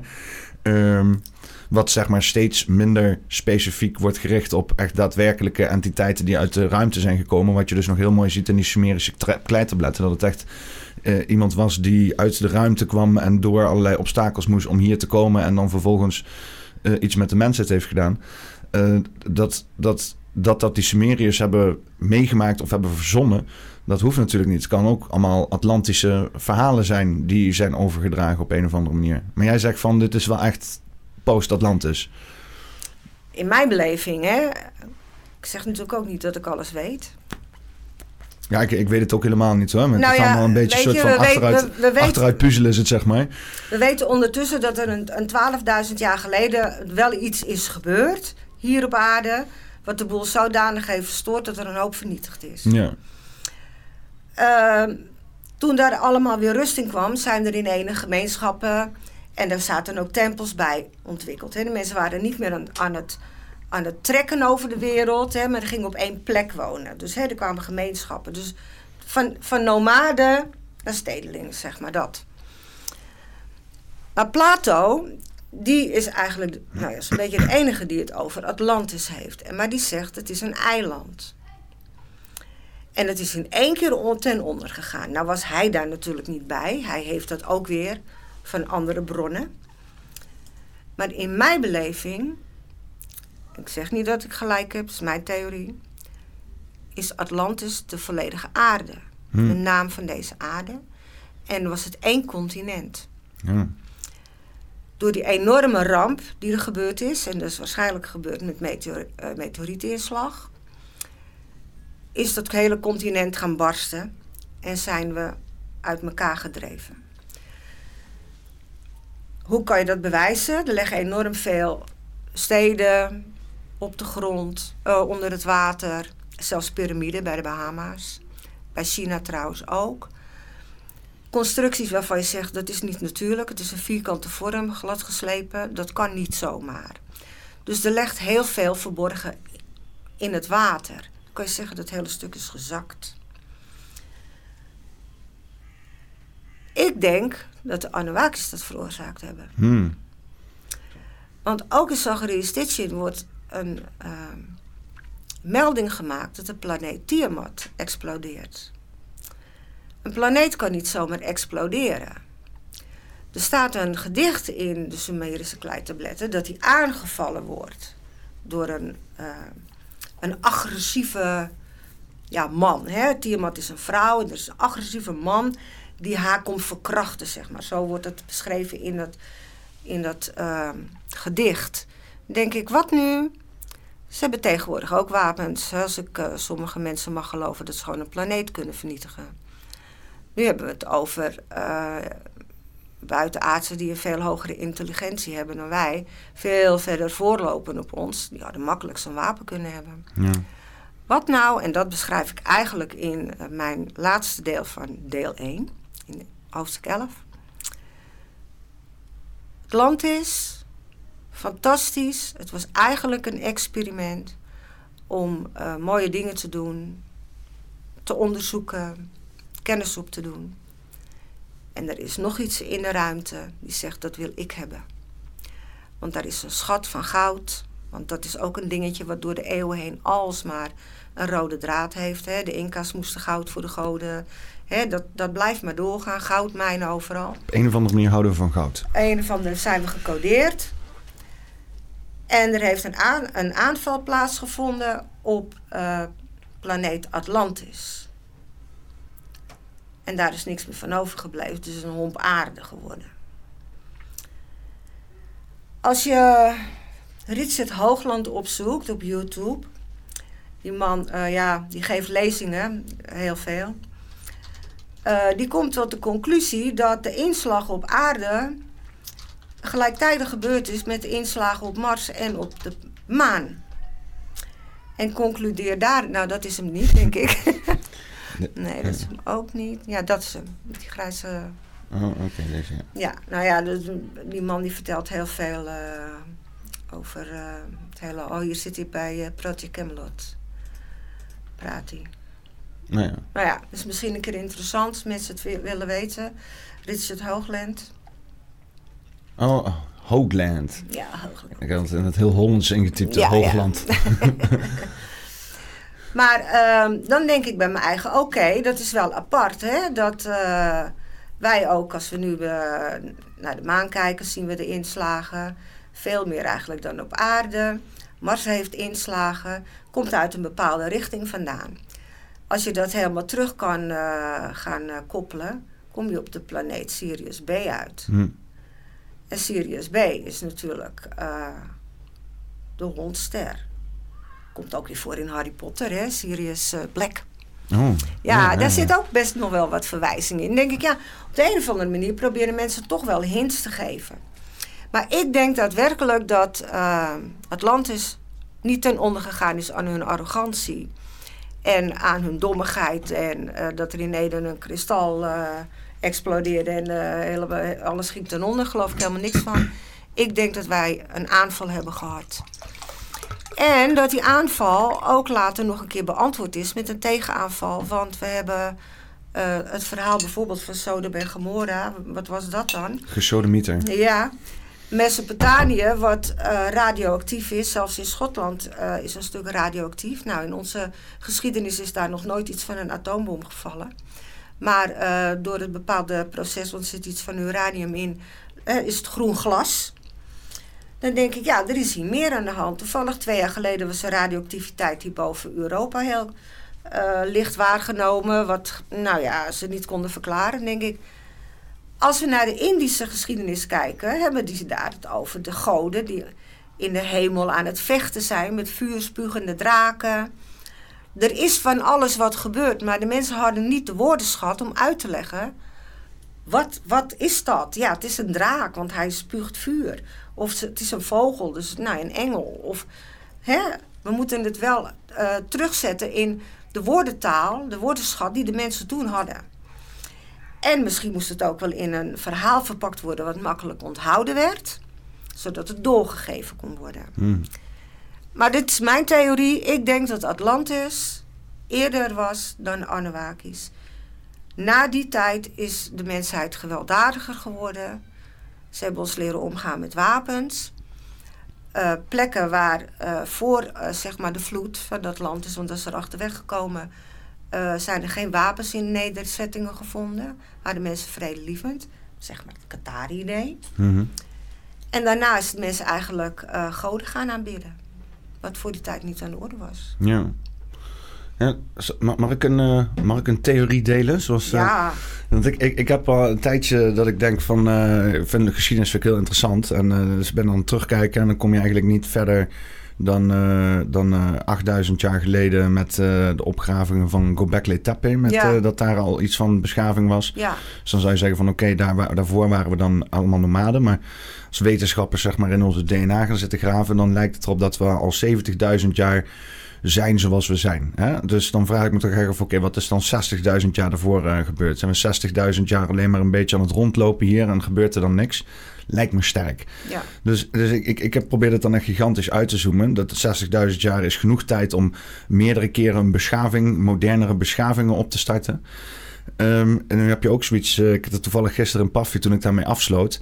Uh, heel erg ontoepasselijk, want normaal behandel ik alleen het nieuws. Maar er was een, een nieuw uh, filmpje van Suspicious Observers. En mensen die kijken naar de, de astro astrologische bewegingen in ons zonnestelsel. Plus die gebruiken ook andere wetenschappen zoals geologie. dat soort zaken om, om een beeld te krijgen van wat er allemaal op de planeet gebeurt. En een van die zaken waar ze naar kunnen kijken is naar de, de polariteit uh, van, van uh, op autom, auto, automatair niveau van mineralen. Ja. Dus als dan bijvoorbeeld bepaalde mineralen, vooral naar vulkaanuitbarstingen en zo, uh, solidificeren, dan, dan, dan uh, zijn die atomen die erin zitten, zijn dan een bepaalde richting op gepolariseerd. En dat is aan de hand van de magnetisch veld op aarde. Hè? Dus nu is het noorden ja, daar ja, het zuiden, ja. en het zuiden daar.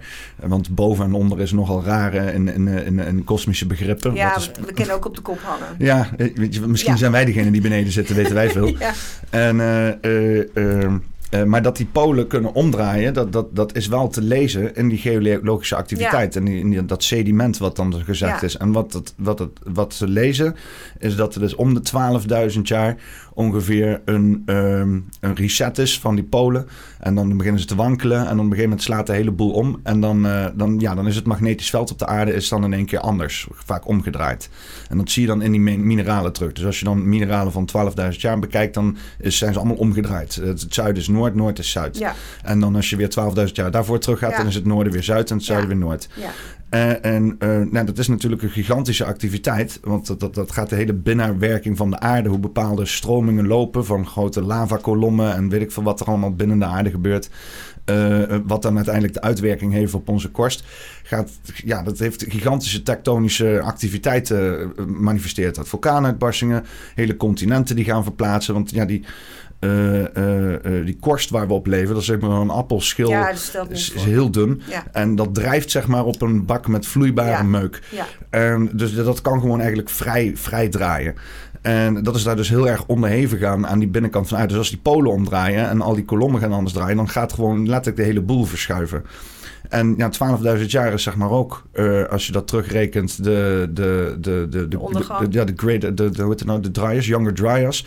Dus dat, dat grote ehm, eh, eh, eh, cataclysme wat daar is gebeurd. Wat dan ook, als je naar die documentaire kijkt van Graham Hancock, ja, de ondergang van Atlantis is geweest. ja, dat je dus, zeg maar 12.000 jaar geleden dus een gigantisch cataclysme had. Wat dan gebeurde door kosmische activiteiten. De grap is dat die pool draaien, dat is niet eens alleen een aarde alleen activiteit. Dat gebeurt echt met alle planeten in ons zonnestelsel. En je ziet dus ook allerlei activiteiten met de zon die weer in verbinding staan met het melkwegstelsel. ja, waarschijnlijk draaien we ook eh, zo dat eh, we de zodiac anders gaan zien. Want hè, de, de piramides van eh, Giza. Giza, die staan op, dezelfde lijn als de riem van Orion, hè, de gordel van Orion. Mhm. Die kunnen wij nu zien, die kunnen hun nu niet zien. Ja. Dat sterrenbeeld. Dus hadden ze het ook nooit kunnen namaken, zeg maar. Dus daar is ook een... Het is geloof ik een, een eh, collega van Graham hè, die dat heeft ontdekt. Ja, de eh, Graham Hancock en Norton. Nou, ik weet het even niet meer. Ja, die, man met zo- die baard. Die, Ik ben ook niet zo heel erg goed in het onthouden van namen. ik ben heel slecht in namen. Oh, beter.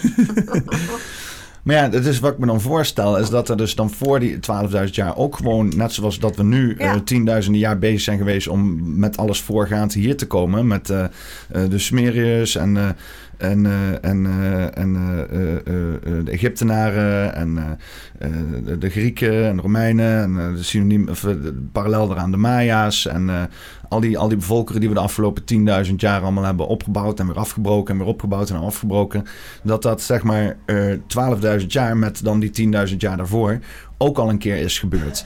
En dat, dat, dat daar dan ook op een gegeven moment de hele Atlantis-beschaving. Um, wat dan, in ten onder is gegaan. Ja, en wat dan Atlantis was, of dat dan. Want het, ik zie het ook voor me dat het dan misschien ook gewoon een hele. Ja, net zoals dat we nu zijn, ook een hele grote globale beweging was. Met uh, uh, plekken zoals Lumerië en nog heel veel andere mythische plekken. waarbij gewoon, ja, gewoon globalisme, zoals we nu zitten, ook gewoon de norm was. Alleen dan op een heel ander niveau. Hè? Dus dat mensen ook gewoon veel verder waren eh, in bepaalde technieken met uh, levitatie. En uh, daarom inderdaad al die fantastische bouwwerken konden bouwen. Ehm, en, en dat daar dus ook al allemaal dingen hebben afgespeeld. En, en, zoals ik het zie, is dat dan die, Ik weet niet precies waar die Anunnaki dan daar in, in plaatsvinden. Maar dat er misschien al in die tijd van dat land, dus 12.000 jaar geleden, inderdaad een gigantisch gevecht is geweest. Met niet alleen de mensen die daar wonen op aarde, maar ook inderdaad met andere wezens multidimensionale wezens, mensen die, wezens die inderdaad in, in hogere uh, dimensies bevonden of misschien een connectie hebben.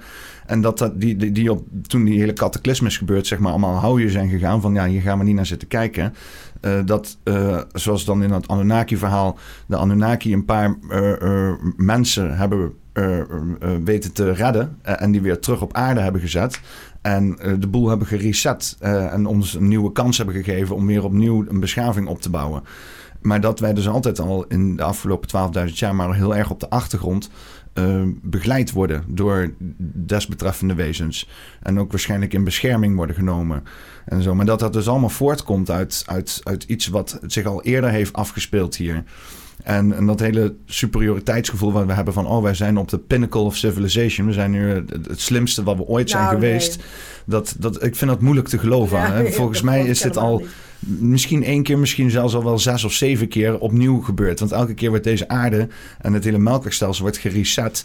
En, en de kunst is volgens mij om, om, om daar uit te komen en, en, en, en daar controle over te hebben, zodat je dat soort dingen kan overleven systematisch. Maar dat dus zeg maar zelfs zo'n Anunnaki uh, daar niet aan, aan, nog niet was, zeg maar. Hè? Dus, dus die, die konden al wel uh, allemaal uh, mooie multidimensionale dingen verwerkelijk wezen. De stenen laten zweven, geweldige ja, technologieën. levitatie. ja. ja.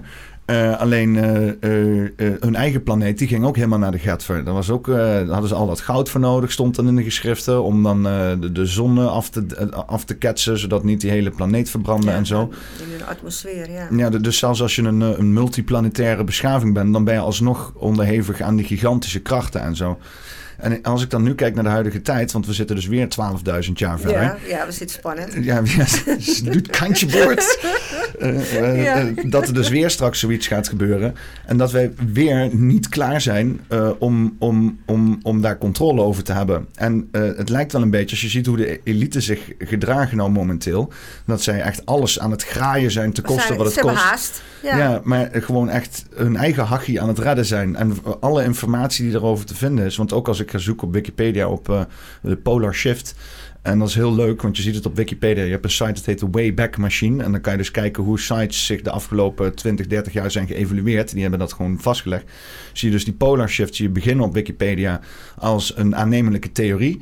Uh, weliswaar een theorie, maar gebaseerd op verschillende wetenschappen. Daarna uh, wordt het uh, de taalgebruik zoals de theorie veronderstelt dat dit. En inmiddels is het geworden. Is het, is het feit? Een, nee, inmiddels oh. is het een pseudowetenschap geworden. Oh, oh, okay. Dus je ziet dat ze juist van, van die theorie af willen bewegen. Hè? Dus ze, ze, willen dat, dat wij niet echt. Het, het, het plebs, het normale volk, zich ja. daar niet echt in gaat verdiepen of zo op een of andere manier. ja.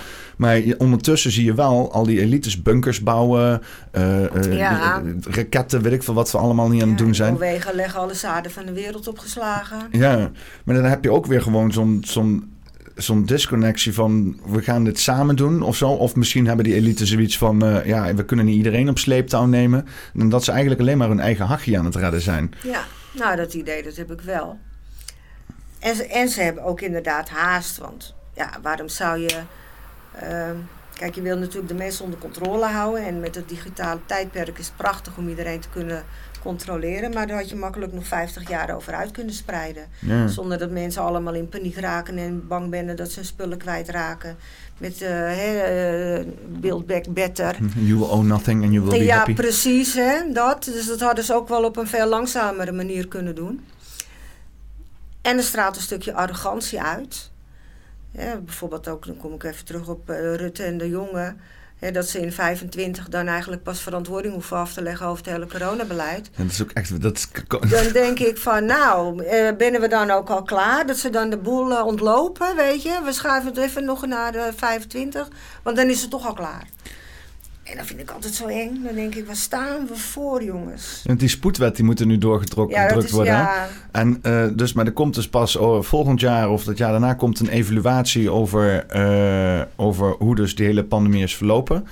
Maar de uh, verzegeling van die wetgeving, die moet al wel even snel doorgedrukt worden. Ja. Dat is natuurlijk ook ja, dat, dat, dat, kan toch niet? Je moet het eerst evalueren en dan breng je nieuwe wetten aan. Ja, precies. Ze willen eerst die wetgeving doordrukken en daarna mogen we het pas evalueren. Ja, ja, en dan zullen we zien wat we doen. Ja. ja, nou ja, weet je, en wat kunnen we er tegen doen? Niks. Het wordt gewoon gedaan. Kijk wat er in Frankrijk gebeurt. Frankrijk staat in brand. Maakt hem niks uit. Ga gewoon door. En dan denk ik, ja, dan moeten we het op een andere manier doen. Het moet anders kunnen. We moeten, we, we, mensen willen verbinding. Ja, hoe dan? We, ja, we gaan met uh, eh, 10.000 man uh, gaan we protesteren. Het zou Rutte een bied zijn. Ja. Die zegt, kijk, dan lopen ze weer. Nou, ja, die, die heeft, het kan mij dat schelen. Tijdens die pandemie zat hij in dat torentje en hoorde hij die pot en pannen op de achtergrond. En dan zat hij daar zo, oh, en je hoort de mensen op de achtergrond. Oh, oh, oh. ja. Weet je, boeit hem niet. Nee. En bij al die politieke leiders is dat zo. Het boeit hem niet. Maar, kijk, ik denk dat hun een bepaalde kennis hebben die is afkomstig van hun voorouders. Anuaki, whatever, hè? We gaan terug de tijd in. Rituelen, want het staat bol van rituelen bij hun. Wij kunnen wel zeggen, nou ja, dat is allemaal oude symboliek, dat doet er allemaal helemaal niet toe. Voor hun doet het er wel toe die hypnose, wat jij net ook vertelt, hè, als je mensen iets wil laten kopen of hè, wil in, in beïnvloeden voor een donatie geven, whatever, met kleuren, muziek en whatever. Doe niet op de poppenkast. Dan doen we even de poppenkast. dat heeft dus een bepaalde macht. Hun weten hoe dat werkt. Wij lezen Suskes en Wiskes, hun lezen duistere boeken. Vorig jaar werd er een techniek van een oude magiergebruik op het woordje droog. Dan wordt het niet uitgesproken met twee O's, maar met drie. En dat herhaalt hij vijf, zes, zeven keer in die uitzending. De weermannen in dit geval. Elke avond, elke uitzending weer. Wat ga je krijgen? Dat iedereen in je omgeving zegt: Goh, wat is droog hè? Ik denk, het is helemaal niet droog. We hebben gewoon een heel normaal klimaat hier al. Nederland is een waterland. De bij Jouren komt omhoog. Waar hebben we het over? Het gaat maar droog. Het gaat maar droog. Nou, nu kunnen ze het niet maken hier in Nederland, want we hebben helemaal geen droog voor je. Nee, nu is het natuurlijk heel droog in Spanje. Ja. Daar is het al eeuwen droog. Ik hoor het inderdaad van de, van de week inderdaad. Er is droogte in Spanje. Terwijl ik, we hebben iemand in de Discord zitten die komt uit Spanje. En die had het net over dat het allemaal regende en zo daar. De techniek is de nadruk vergroten op de klinkers. Een lange A, een lange I, een lange O. Als je dat niet weet, hoor je dat helemaal niet. Maar dat sla jij op, want alles is energie. Ook wat wij horen. Wij zien niks, hè? wij vangen een energie op, die zetten we om in een beeld. Wij zien alles ook op een andere manier. Hè? Ik zie dit glas, maar jij zal hem waarschijnlijk iets anders zien. De energie van het glas zet jij om in een beeld van een glas. Energie van de oos zet ik om in een geluid wat ik begrijp. Dat is hypnose. Daarom is het Nederlands zo hakketaktaal. Uh... Kijk, ik heb af en toe het idee dat Nederlands een beetje een soort van disconnectie is van uh, allerlei spreuken. Hè? Dat het een soort van hele ge, 3D-ficieerde taal is of zo. Ja. Wie weet. neer op de poppenkast. en koop er een drankje bij. ja, ja, het is wel, die taal, taal is spreuk inderdaad. Dat is ook wel heel interessant. Ja. Uh, maar wat, wat, wat, is, wat, wat moet droog dan bewerkstelligen? Nou ja, kijk, uh, als jij iedereen er maar van overtuigt dat je weer een uh, onzichtbare vijand hebt die nu droog is, kan je sowieso uh, de waterrekening omhoog gooien. Ah. Maar ik zag dat meneer Swaap deze week ook vertelde dat water niet voor iedereen vanzelfsprekend is. Hè, want plebs en gepeupel, ja, moeten die ook drinken dan? Kijk, en dan wordt het eng, hè? Want wat kunnen ze dan doen? Ik bedoel, die hele klimaathoogst waar we nu in zitten. We beginnen allemaal bang te worden dat de aarde straks niet meer bestaat en alles en iedereen, uh, of we verdrinken. In mijn tijd had je eerst de zure regen. Ja. Ozonlaag. En de ozonlaag. Maar de zure regen, nou, dat was een drama. Iedereen had zoiets van, oh, alle mooie beelden gaan eraan. Ja, ze worden al dunner. Weet je, mensen zagen het ook. nou, dat is natuurlijk allemaal helemaal niet waar. Ozonlaag, nou, wat krijg je dan nog meer? Het waterspiegel gaat stijgen. Overal moet van alles gebeuren. Er is helemaal nog niks gestegen. En er zal misschien eens een keer wat, wat schommeling in, in die oceanen zijn. Maar denk je nou werkelijk uh, dat half Europa verdrinkt uh, als, er, als er nog een beetje warmte bij komt? Hoe, als je in Schotland bent en je hebt daarin de dalen, hè, dan hoor je van ja, dit is allemaal door gletsjers uitgesleten. Nou, die ben er ooit geweest. En nu zijn ze weg. En nu? Prima. Dat is moeder natuur. Die aarde die leeft, die doet haar ding. Die houdt geen rekening met ons. Nee. En wat wij aan het doen zijn en het veroorzaken zijn, zal gerust invloed hebben. Ik vind ook dat het veel schoner moet worden. Maar het wordt ons gebracht. Ten eerste is het onze schuld. Onze kinderen krijgen allemaal een toekomstbeeld van, nou, het wordt voor ons verknald. En dat is allemaal door mijn vader, mijn moeder en mijn opa en mijn oma gebeurd. En we gaan er allemaal grof voor betalen. En dat is natuurlijk wat, uh, wat we willen. Hè? En, want ja, God heeft ook geld nodig. Is het een nieuwe schuldgevoel aanpraten wat de kerk vroeger ook deed? Dat iedereen uh, met, uh, met, met schuld geboren werd en met zondes, natuurlijke zondes. Ja, en daarvoor en, moest je... eet één een appel en uh, voor de rest van de eeuwigheid is elke vrouw gedoemd om... Hè? Wat is dit? En die, die zondes moest je dan vroeger afkopen naar de kerk. Ja, en, nu moeten we, en nu moeten we onze zondes afkopen naar de staat. Ja. ja. Naar Klaus Schwab. Dus eigenlijk is het hetzelfde principe. Ja. In een nieuw jasje. Ja. Ja, maar dan moet je natuurlijk wel onder de bevolking krijgen. Hè? Dus er moet een onzichtbare vijand zijn. Hè? Zoals Amerika ook altijd een vijand moet hebben om zijn wapenindustrie uh, goed te laten draaien. Moet je een onzichtbare vijand hebben om de mens in ongewis te houden. Want er is niks mooier dan dat jij denkt, er sluipt iemand om mijn huis. Ik blijf binnen. Ja. En er loopt er waarschijnlijk helemaal niemand. Ja, dat is hun werkwijze. En daar stinken we constant in. En we moedigen elkaar ook aan. En dat komt ook door de tv. En constant dat stukje magie, wat het eigenlijk is. Het is eigenlijk het bewerken van de kosmische snaren. Je gebruikt een soort kwantumfysica, waar jij de goede kennis van hebt. Die stuur je weg en die komt op een goede manier bij je terug. Wij proberen dat ook. Maar het lukt ons niet en het komt op een verkeerde moment terug. Ja. Kijk, als je met z'n allen zit, um, mensen ergen je niet, hè? En alleen jij weet de spelregels, ga ik het nooit winnen. Nee. En zo sta ik het in elkaar. Ja, is, is, zeg maar, er wordt al heel lang uh, gesproken, en uh, dat hoor je de laatste tijd heel veel op het internet, over uh, een soort van een spirituele revolutie. Hè? Dus de, ook die overgang van, van vissen naar waterman-tijdpark. En uh, we gaan allemaal uh, naar, naar, naar, een hogere dimensie. En uh, hoe het vaak een beetje op, in het begin ook op mij overkwam. En heel veel om me heen zie bij, bij de wat nuchtere mensen. Alsof we met z'n allen gaan, gaan opstijgen terwijl we aan het mediteren zitten op een berg. Maar is het ook niet gewoon een stukje gewoon angsten die ons aangepraat zijn van ons afslaan? Ja, ik geloof dat het desinformatie is. Dus hetzelfde als de Whiteheads, die gaan alles voor ons uh, regelen. Die, die hele Great Awakening zou een desinformatiecampagne zijn? Ja. En hoezo dan? Nou ja, als jij uh, gelooft dat je vanzelf wel een keer die vijfde dimensie ingaat. Of je gelooft dat de Whiteheads voor jou uh, de bunkers aan het leegruimen zijn. En Q Anon zorgt ervoor dat het allemaal... Hè, dan blijven we ook allemaal zitten, hè? We hm. doen niks. Twee, twee weken totdat het gebeurt. Uh, trust the plan. ja. ja. ja. dus ik bedoel, er wordt ook iedere keer iets van een datum gegeven. Hè? Altijd zo'n beetje met, uh, met de kerst. Hè? Oh, de 21ste van de 12e. Hè? Dat, dat komt allemaal niet. Dat is, dat, ik heb het idee dat dat ook in het leven geroepen is. Kijk, er zijn 2400 geloven over de wereld. Meen je? Dus, ja. Dus er is voor iedereen wel iets voor zijn gading bij. Maar er zijn natuurlijk ook mensen die dat daar niet in kunnen vinden. Daar moet ook iets voor gecreëerd worden. Want het moet niet zo wezen dat we een keer echt gaan nadenken.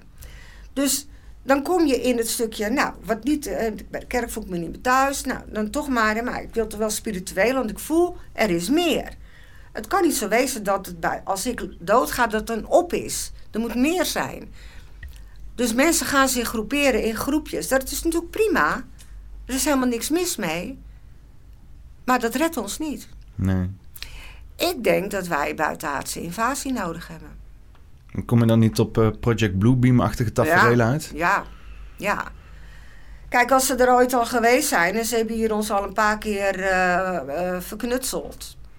Dat is het teken dat ze er zijn. Waarom zouden ze niet nog een keer komen? Ja.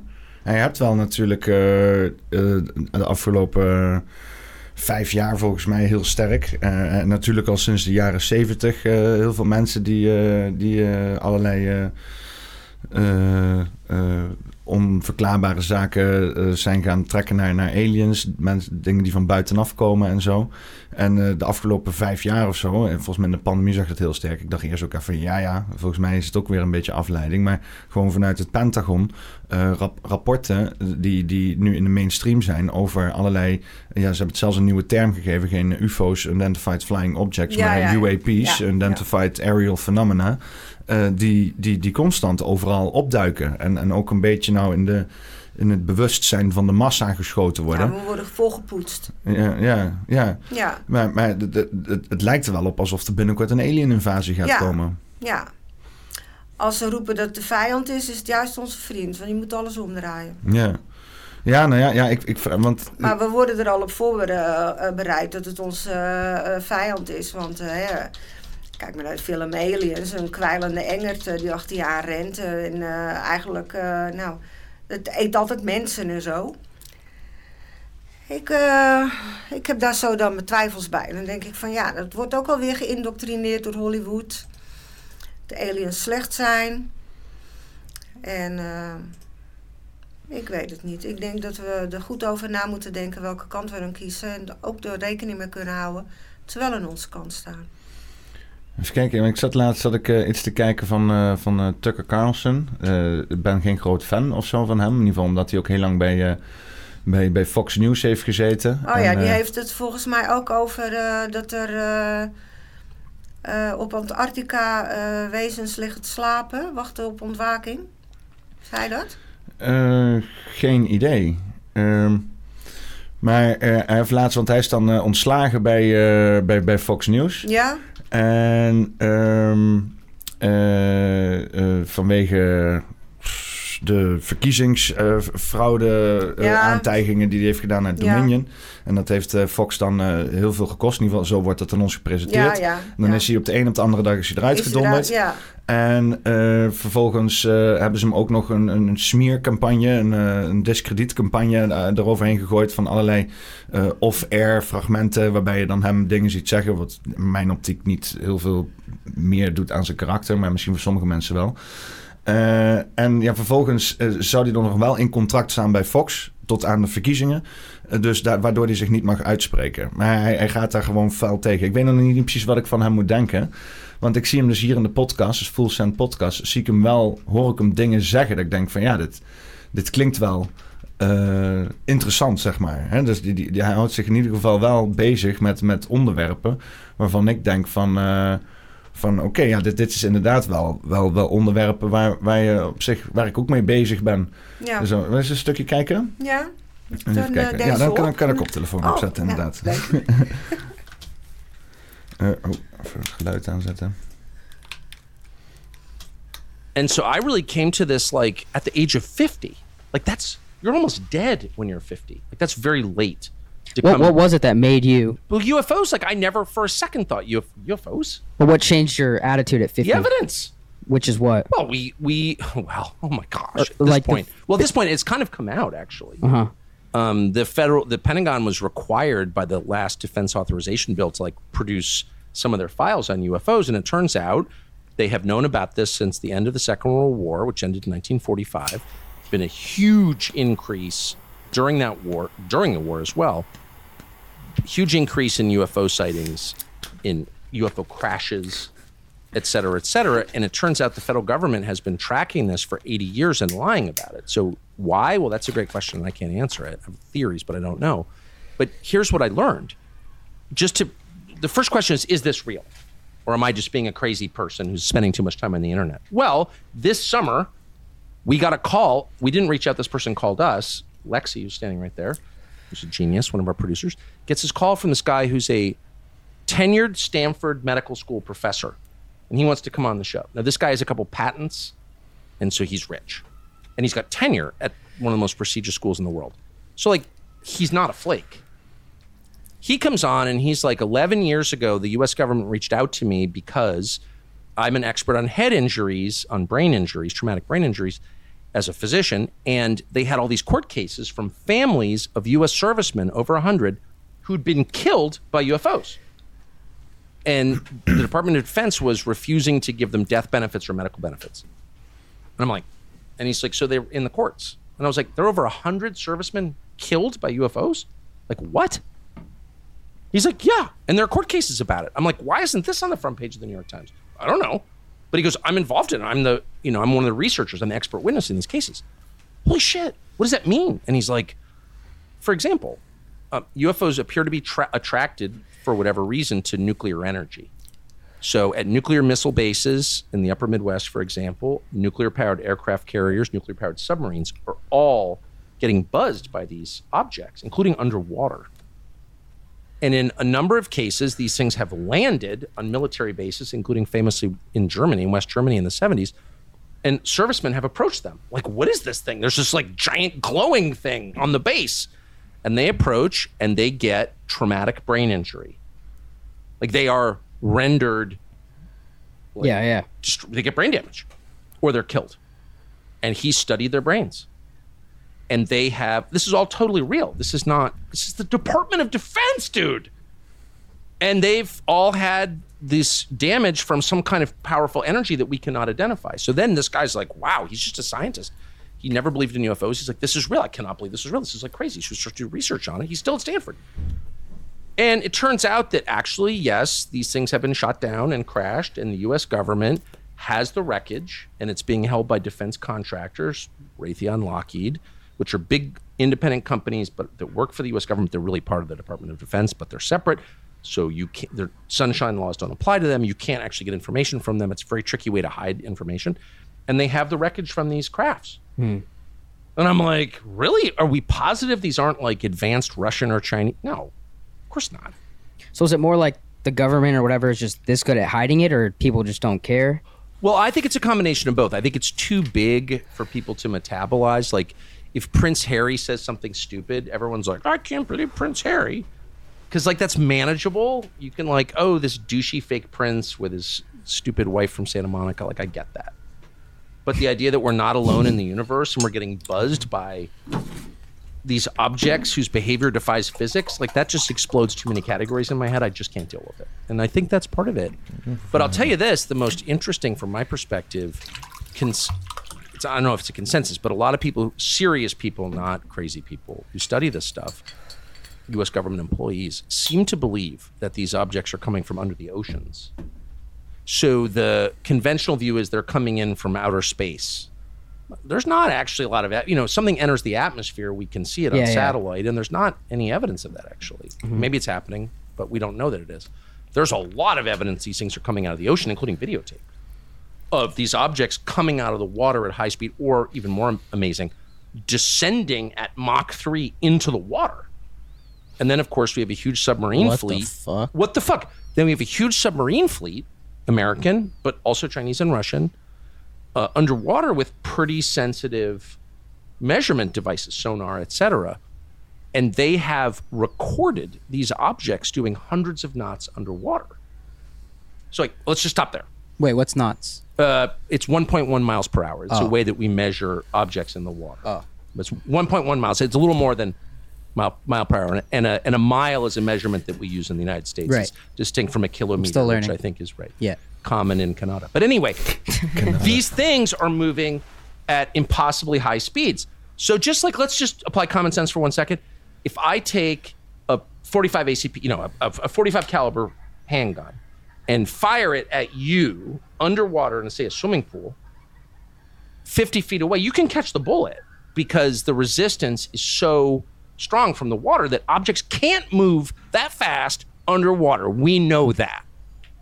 But they are, and they're moving without any visible means of propulsion. So no wake, no bubbles. Where where have we like tracked that? All over speed? the world. All over the world. Really? Yes. On like sonar systems? Yes, from the submarines. And this has come out. Like some of this is in the New York Times. I'm not That's this crazy. is not like you have to go on the dark web to find out. Ja, dus eh, zoals ik dat dan zie. eh, eh, ja, dan hoor je mij in één keer heel goed, hè? Ja. Eh, dus ik, ik vraag me dan heel erg sterk af van... eh, eh, is hij zeg maar eh, de zoveelste agent die vanuit de binnenkant van het systeem naar buiten wordt gestuurd om een narratief te propageren?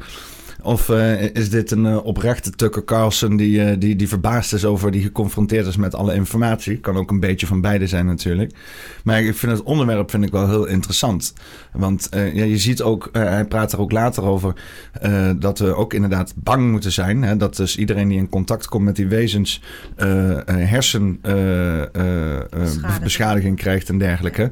Ja, dan, dan, dan, als ik dat dan hoor, denk ik van ja, dit is nog niet helemaal hetgeen wat je zou willen horen van oh, we- gaan in samenwerking met deze nieuwe entiteiten of al bestaande entiteiten een nieuwe tijdsperk moeten tegemoet. Maar het, het wordt allemaal heel erg gepropageerd naar we gaan in oorlog of iets dergelijks. Ja. Nou ja, je kan weer twee kanten op. Hè. Of deze man die spreekt eh, helemaal de waarheid. of hij wordt gebruikt om een verhaal neer te zetten. Ja. En dan kan hij kan je weer twee kanten op. 100% in geloven. Omdat hij misschien zo geprogrammeerd is nu. Kijk, want ik, de regering heeft altijd een aangever nodig. Is in de politiek ook. Ze willen iets doordrukken, er moet er tegenstand komen. Dan denken wij dat er een eh, politieke partij voor ons bezig is. Uiteindelijk gebeurt er niks. En, dan- nou ja, eh, dat heb je in dit stukje natuurlijk ook nodig. Je hebt iemand nodig die op dat moment heel erg in de publiciteit staat en door iedereen geïnterviewd wil worden. Er is hij natuurlijk een prachtig voorbeeld van. Ja. Hij gaat op een vreselijke manier bij Fox eruit.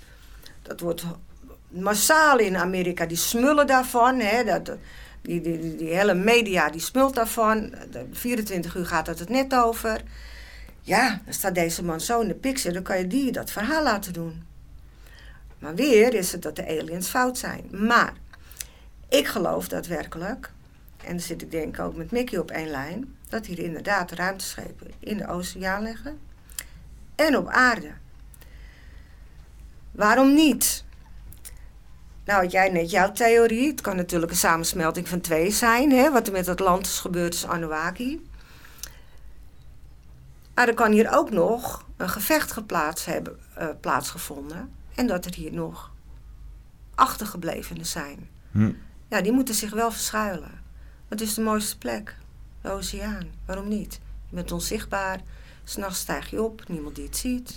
De oceaan is een van de eh, eh, meest onontdekte plekken. We weten Ja. nog minder over onze oceaan dan, Dan we weten over de, ruimte. Ja, Eh, ehm, hè, dus ja, ik vind dit zo'n twijfelgeval. Ik, ik kijk er altijd een beetje naar van... Ik ben benieuwd wat hieruit voortkomt. Hij kan ook een hele grote aangever zijn nu. Van nou, mensen ook een beetje volpoetsen. Er staat wat te gebeuren, want we, we signaleren ze overal.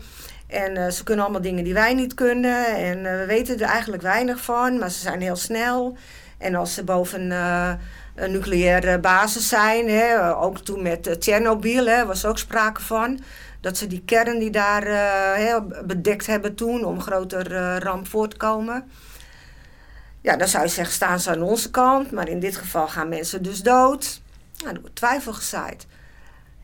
Weer een onzichtbare vijand. hm. Die wordt weer neergelegd. Want hoeveel mensen zien een ufo? Trouwens, als je er al een keer eens ziet, in je eentje alleen... ben je altijd te laat met je telefoontje natuurlijk... om een foto te maken. En je, omgeving, en je omgeving zegt, ach wel nee, natuurlijk niet. Het is gewoon een vliegtuig. Je staat altijd alleen. Ja. Dus ja, ik heb met hem Nou, toch wel een beetje twijfel. Bij, bij de Bosperians uh, heeft uh, Mickey die ging aliens oproepen, zeg maar.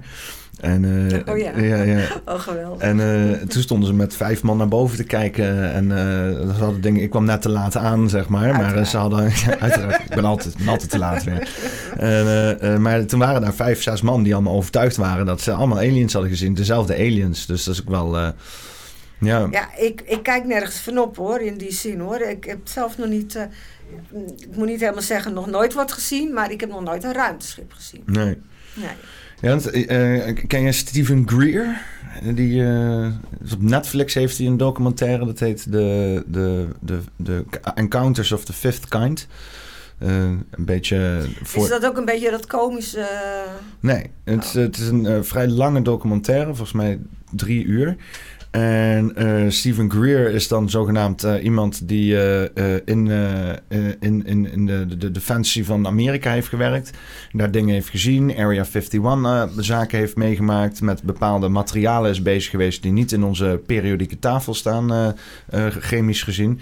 En die is nu uh, aardig op leeftijd en uh, die, die heeft spiritueel contact met entiteiten. En die kan dus ook van die... bedoelt. Hij is ook al in Project Camelot geweest. Dat ja. zou kunnen, ja. Dus, ja. Maar die doet dus ook van die... Want je hebt ook in Nederland dat soort bewegingen. Mensen die dan samenkomen en die gaan mediteren op aliens. En dan verschijnen ze inderdaad aan de lucht en dat soort zaken. Maar die praat dus wel echt over vreedzaam contact met aliens. Ja. Dus dan, denk ik ook van, is dit dan, is dit dan een goede agent, een slechte agent? Uh, uh, waarom staat het op Netflix?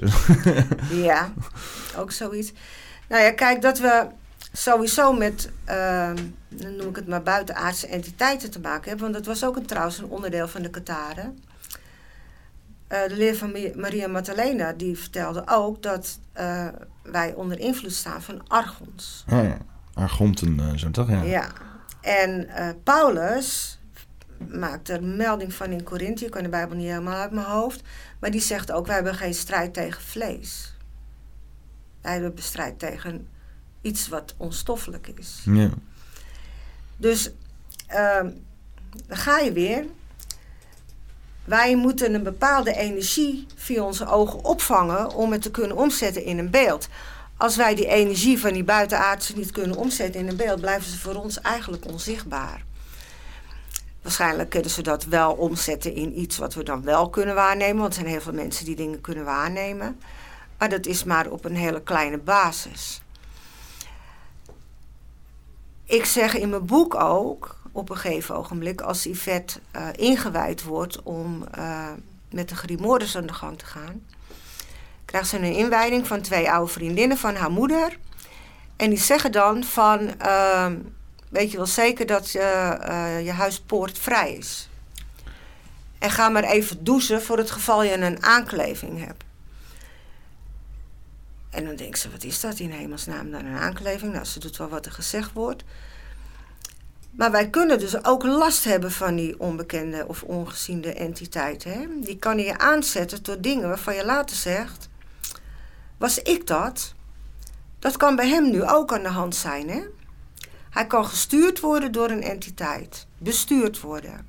Dat is voor een hoop mensen dat ze zeggen, nou, dat kan helemaal niet.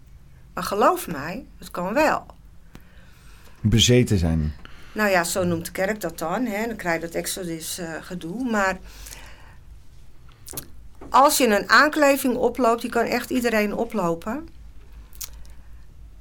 Dan word je je krijgt vaak last van hoofdpijn, drukte in je hoofd, slecht slapen, depressief worden. Kan zelfs aangezet worden tot zelfmoord. Gedragsverandering. Dat je bij je eigen denkt, wat, wat, waar ben ik mee bezig? Nou, dan geef ik ook een tip in het boek. Een hele simpele tip. Ga je eigen douchen met zout. Hm. Zout is een zuiverend iets. Dat spoelt af. Dat wil niet zeggen dat het wegblijft. Wij zijn hier echt de pineut in. Sommige uh, gedragingen van mensen kan je bijna niet verklaren. Hoe dan? Wat ben je aan het doen? En dan denk ik van, dit is gewoon een aankleving. Maar mensen zien dat van, nou, dat is niet zo, maar dit is echt zo. Wij moeten niet denken dat uh, wij uh, de enige wezens hier op deze aarde zijn. Er is meer. Daar maken ook de elite gebruik van. Ook met dezelfde entiteiten. En die staan niet aan onze kant. Ja, en dan zie ik hem en dan denk ik, ja, ik denk wel dat hij misbruikt wordt. Fox, dan word je uitgezet. Was dat niet door Marduk? Ja, ja, ik zou het niet weten. En uh, deze man is helemaal overtuigd van wat hij zegt. Dus, dus hè? ik vind hem wel veel naar links kijken. is altijd een teken dat je ook uh, ja, iets, iets uit je fantasie wegtrekt. Hè? Ja, ik zou het eigenlijk even helemaal moeten zien. Ja, ja het gaat, deze, deze, deze dingen gaat overal over. Dus... Uh maar want dat hij claimt, die positie die hij heeft, is natuurlijk ook weer mooi, zeg maar. Hij komt vanuit binnen de gevestigde media. Uh, hij heeft het allemaal gezien. Hij heeft heel lang heeft hij onder die mind control gezeten. Uh, hij heeft het allemaal gezien, maar allemaal alle dingen die hij nu weet, heeft hij nooit gezien. Dus, dus, en, dus, dus het is wel een overtuigend verhaal. Hè? Het is wel echt zoiets van, oh, uh, uh, dit is iemand die we in de gaten moeten houden. Want die, die heeft een soort van openbaring en die gaat een nieuwe levensfase tegemoet. En nu gaan we het horen van Tucker Carlson, zeg maar. In ieder geval, dat is wat bij mij meteen dat ik dacht van, ja. oeh, enthousiast. Ja, ja. Weet je wel? Ja, ja, ja.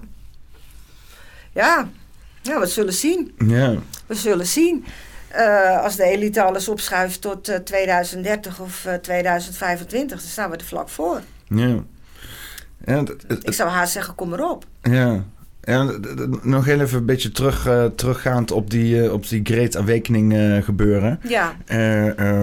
want ik, ik, ik, ik geloof wel dat we, weet je, als je dan alles, alles gelijk trekt met dus inderdaad die 12.000 jaar cyclus, met op het punt waar we nu zitten ten opzichte waar we de afgelopen duizenden jaren hebben gezeten. hoeveel daarvan ook dan per se waar is. Maar ja, volgens mij als we, als we volgens mij zijn we wel echt niet zo verbonden geweest als ooit. Of wij zijn ooit, wij zijn nu zo verbonden als dat we al een hele tijd niet meer zijn geweest. Dan wel door technologie. Het kan best zijn dat we in het verleden ook zo verbonden zijn geworden. Dus alleen dan op een meer metafysisch niveau. Maar nu is dus alles helemaal in het thema van technologie. Uh, dat we wel in een soort van tweesprong staan. Hè? Gaan we inderdaad die, die, die technologische beweging gaan we helemaal in. Uh, zoals Mickey dat zegt, de, de overname van de AI-god. Dus gaan we al onze organische uh, dingen in het leven uitbesteden aan al deze uh, ja, elektronische en digitale ontwikkelingen. dan wel niet de AI die er nu ontworpen wordt.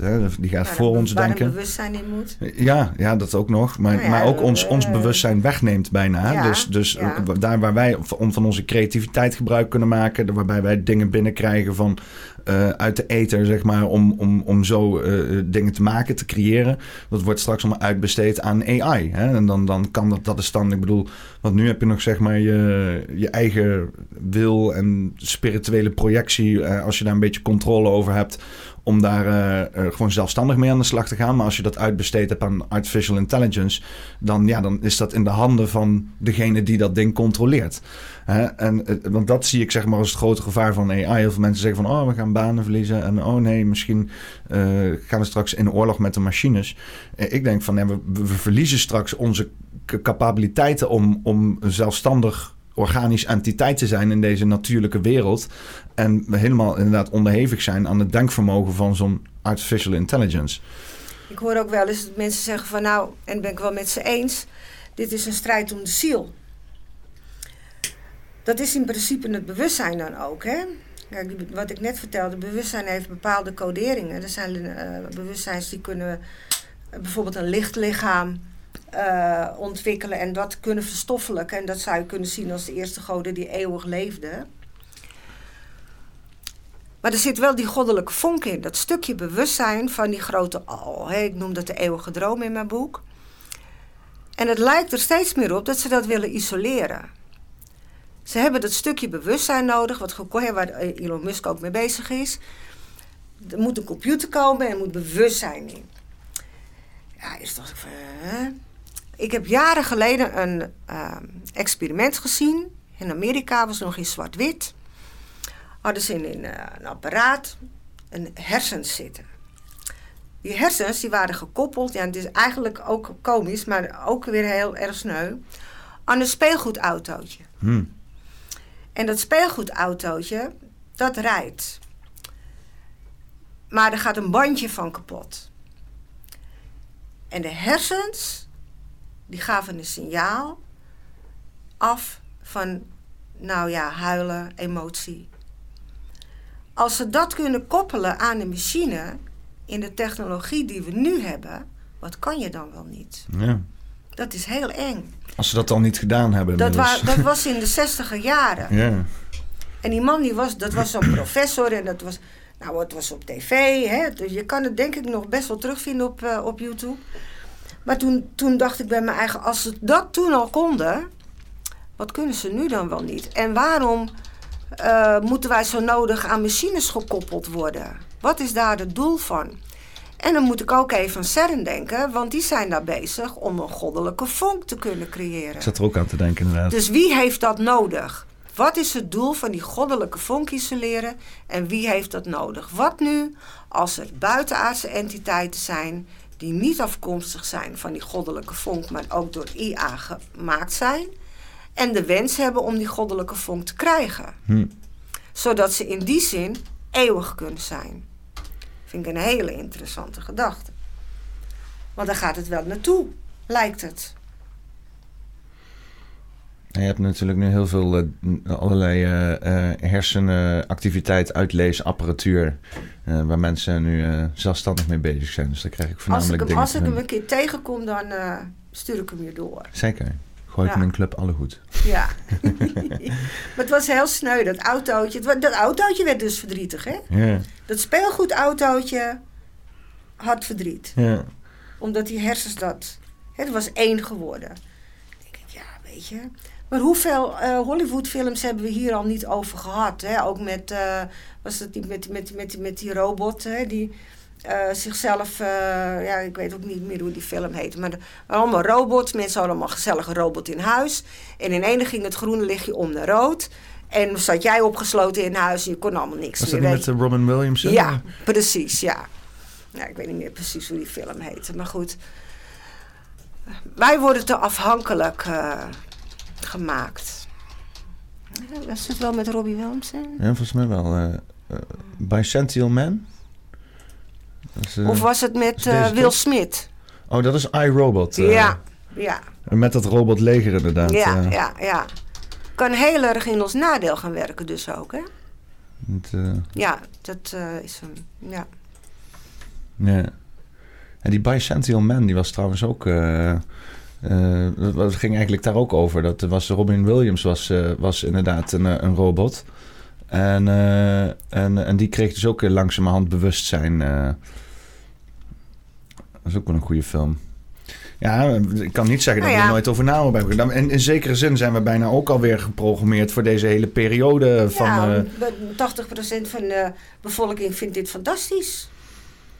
En dan denk Nou, je nou, ziet wel steeds meer mensen die nu afstand ervan nemen. Zelfs die eh, eh, man die eh, de, een van de grondleggers is van de, de huidige artificial intelligence technologie. Ja, die, Die- is, uit, die is is afge- levensgevaarlijk. Ja, die, die is uit, de, uit de organisatie Van gestapt.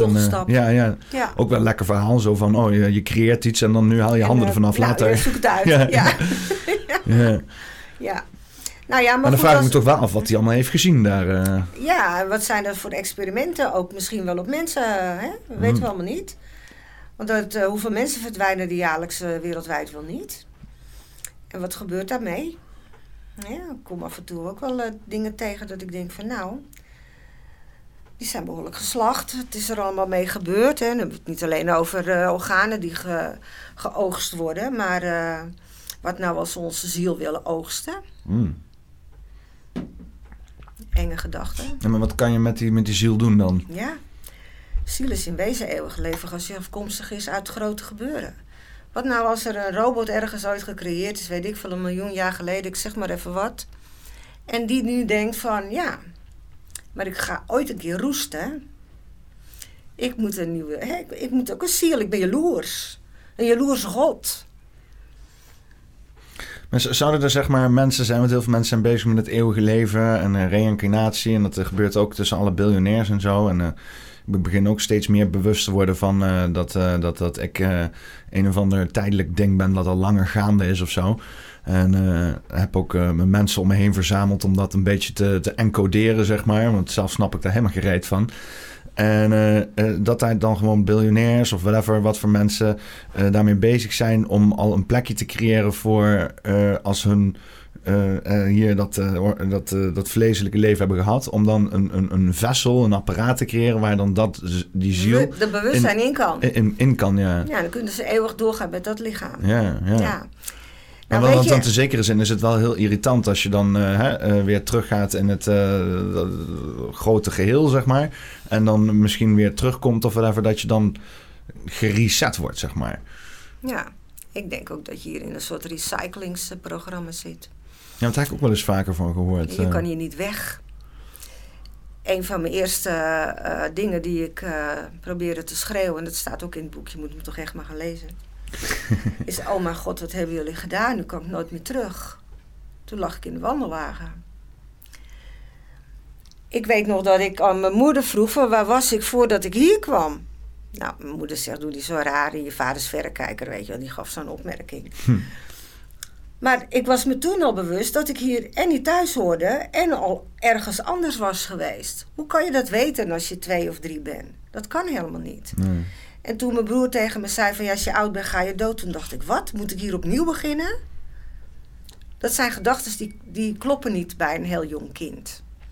Dus ik ben er wel degelijk... Kijk, en uh, heb je Pim van Lommel wel gezien? Hè? Die man, die uh, cardioloog, die uh, onderzoeken van bijna doodervaringen. Ja, en dat is van Eindeloos Bewustzijn, toch? Dat boek? volgens mij wel, ja. Ja, ja hè, dat zeg maar 80% van de, van de mensen met een bijna doodervaring... die beleven niks. Dat is een zwart gat. En 20% zegt van ja, ik was ergens, maar ik moest terug. Dan denk ik, ja, maar je hebt een vrije wil, je moet helemaal niks. Je kan gewoon naar huis als je dat wil, als dat bestaat. Hoezo maakt iemand anders uit dat jij terug moet? Want uh, wat ze dan ook meemaken, is dat ze alles wat ze veroorzaakt hebben bij andere personen aan verdriet dan ook meemaken. Dan denk ik, wat, wat, wat is dat voor een marteling? Je bent net dood gegaan, wat op zich al een ding is. En dan kom je daar en dan staat er een persoon die je herkent. Hè? Voor een, een, een, katholiek is dat Jezus en voor een moslim is dat Mohammed. En hè, voor een hindoe uh, staat Shiva daar. Nou, dat is ook al vreemd. Zijn we dan zo gecodeerd dat daar een programma op zit? En dan krijg je een enorm schuldgevoelpakket mee, want dat moet je allemaal overdoen. En dan kom je terug en dan weet je niks meer. Ja. Wat is dat? Dat, dat is niet goed. Dat klopt iets niet.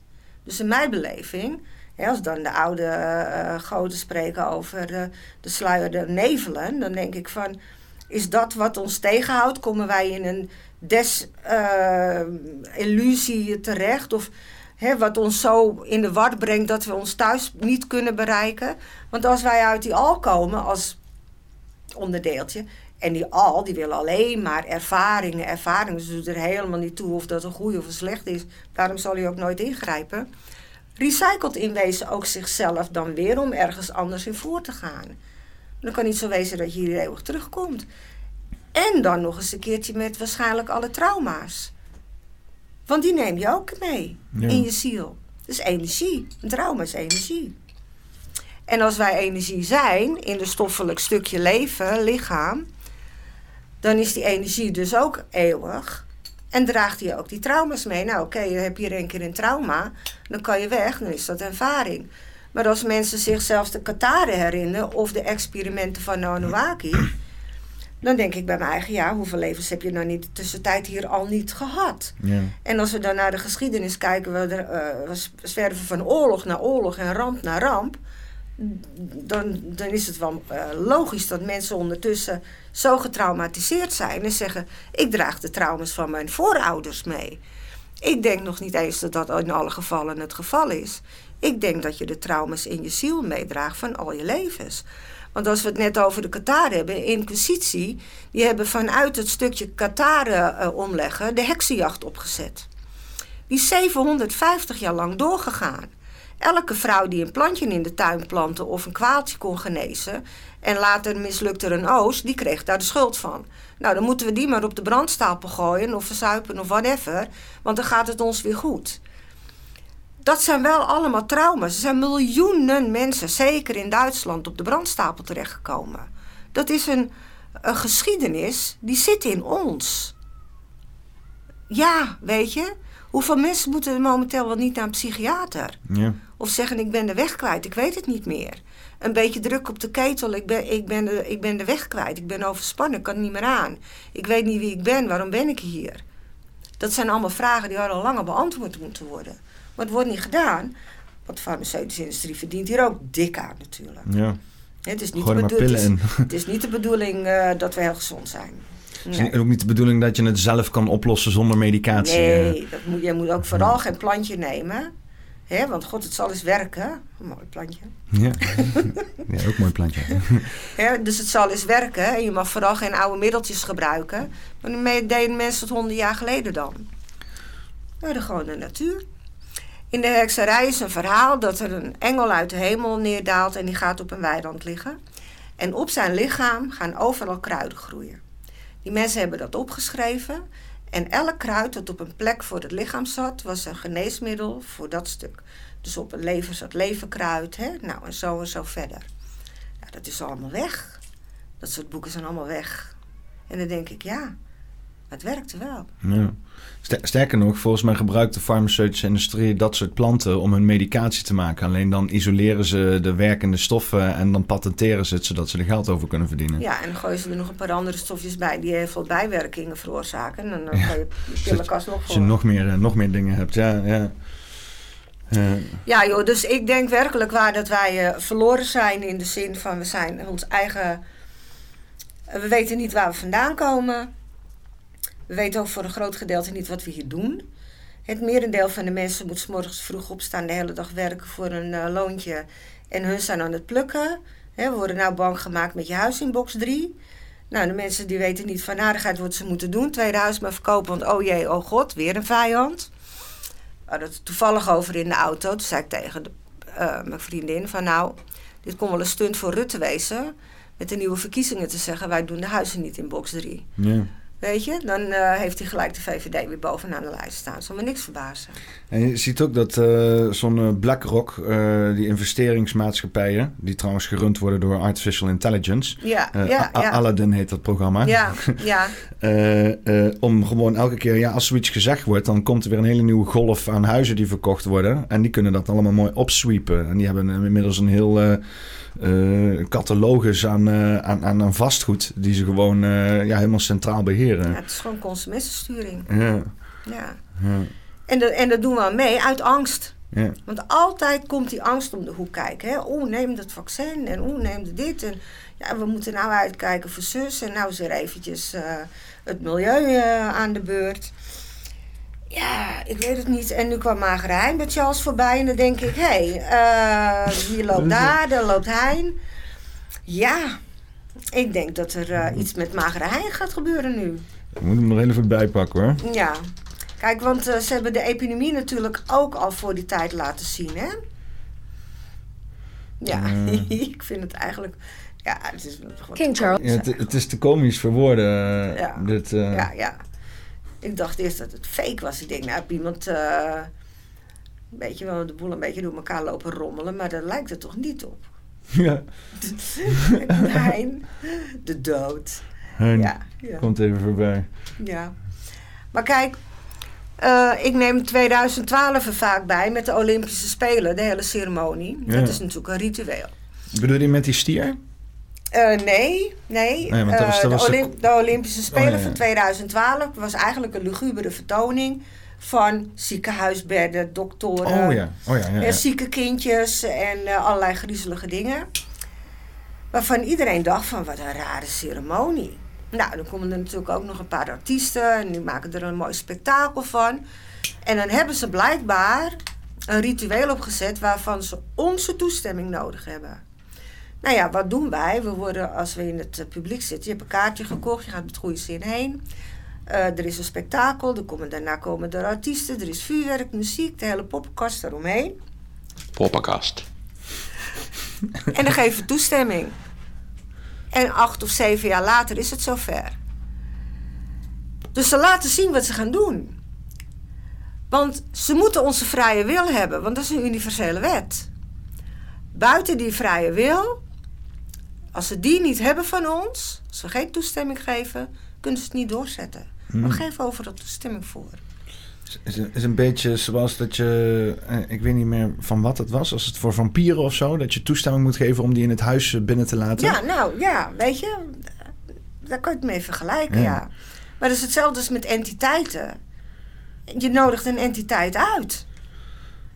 Nou, gaat, en, en ik- ik waarschuw ook mensen voor poorten in huis. Hè. Mensen denken over, dat is flauwekul. Nee, echt niet. Het reist via poorten. Huh. En dat zijn vaak religieuze eh, attributen. Een kruis of een boeddhabeeld of weet ik veel wat. Hoeft niet per se, maar het kan wel. En denk ik, als je last hebt van entiteiten, ruim je huis op. Ja, mensen zullen denken van dat mensen hartstikke gek daarom, maar het is echt waar. Ruim je huis op als in de zooi uit je huis? Of, Nee. eh, ik wou zeggen, want dan ben ik de lul hier. eh. Ja, ja. Ja, even met zo met eh, met eh, dingetjes en zo. En, eh, Ja, nou, ik, ben niet, ja, ik rijd nog niet zoveel met Sali, eigenlijk bijna nooit. Maar ik heb geen poorten in huis. En ehm, ik krijg last, en het zal misschien voor mensen allemaal een beetje verschillend wezen, maar als ik een cadeau van iemand krijg, die bijvoorbeeld door iemand persoonlijk gemaakt is, en is met de verkeerde intenties gemaakt, omdat die dag even niet mee zat, maar het moest toch af, zeg maar even wat, dan heb ik een poort.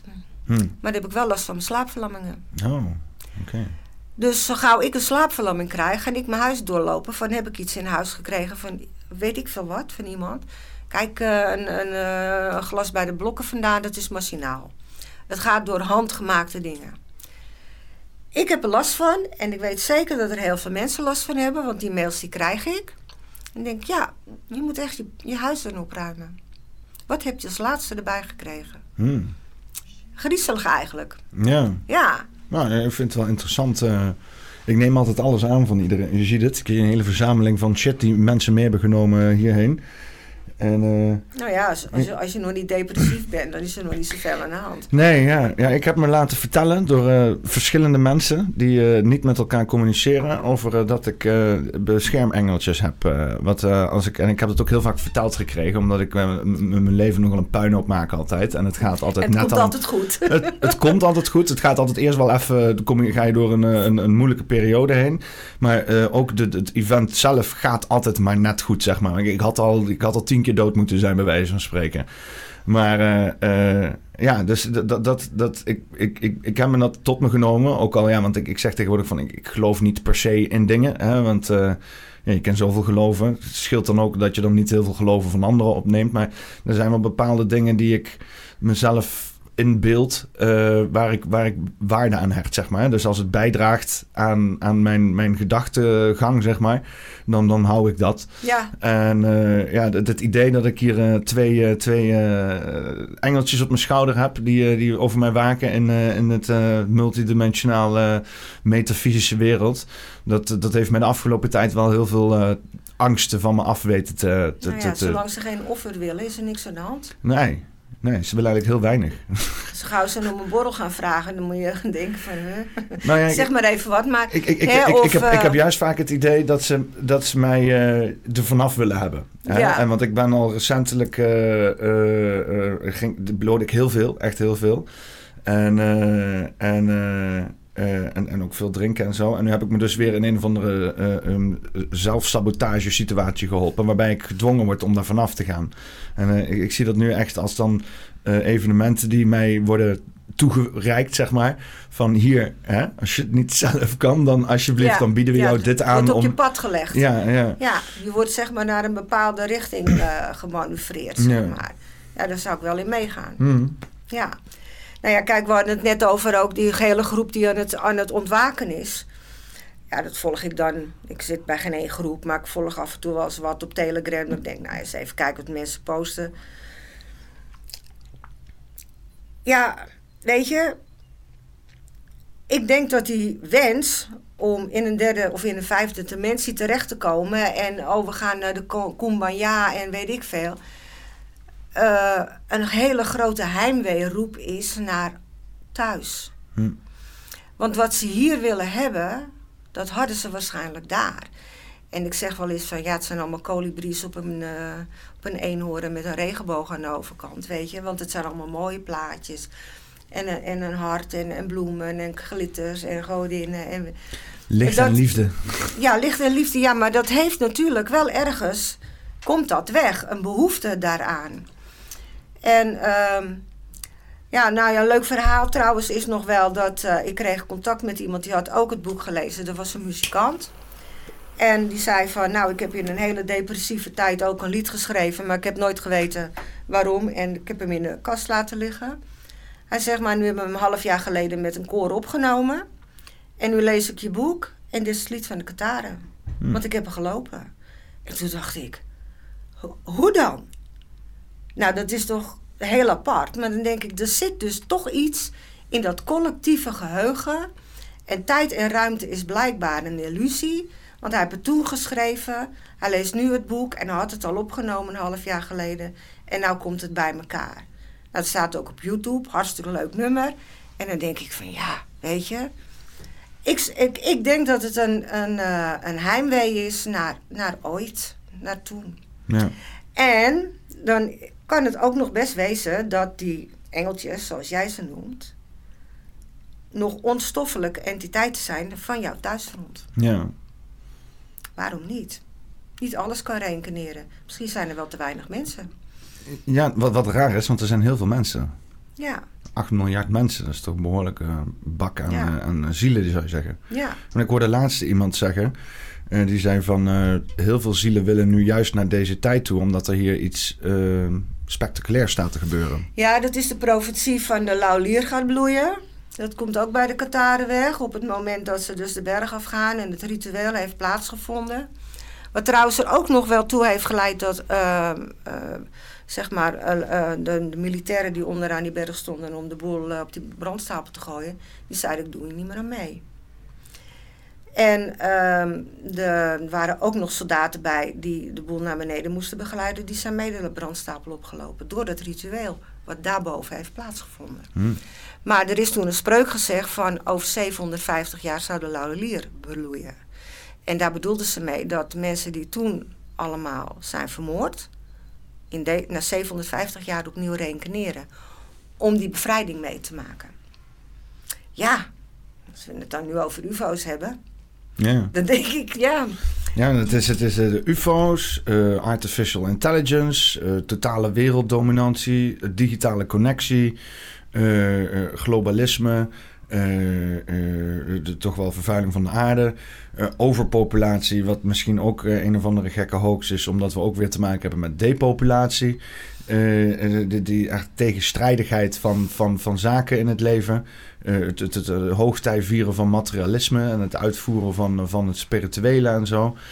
Het is wel het zijn gekke tijden volgens mij. Nou ja, het staat, het staat af en toe in een Bijbel geschreven dat je denkt... Uh, het is echt een Sodom en Gomorra-achtige ja, situatie waar ja. we met z'n allen in zitten. Nou ja, in de Bijbel hebben ze het ook over zeven schalen die uitgestrooid worden.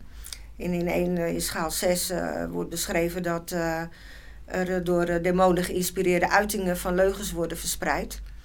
Dan denk ik, nou ja, oké, okay, dat klopt wel redelijk met deze tijd. ik weet niet helemaal of die Bijbel uitkomt, maar Openbaringen is een boek wat wel regelmatig uit de Bijbel is gehaald en er weer in terug is gezet.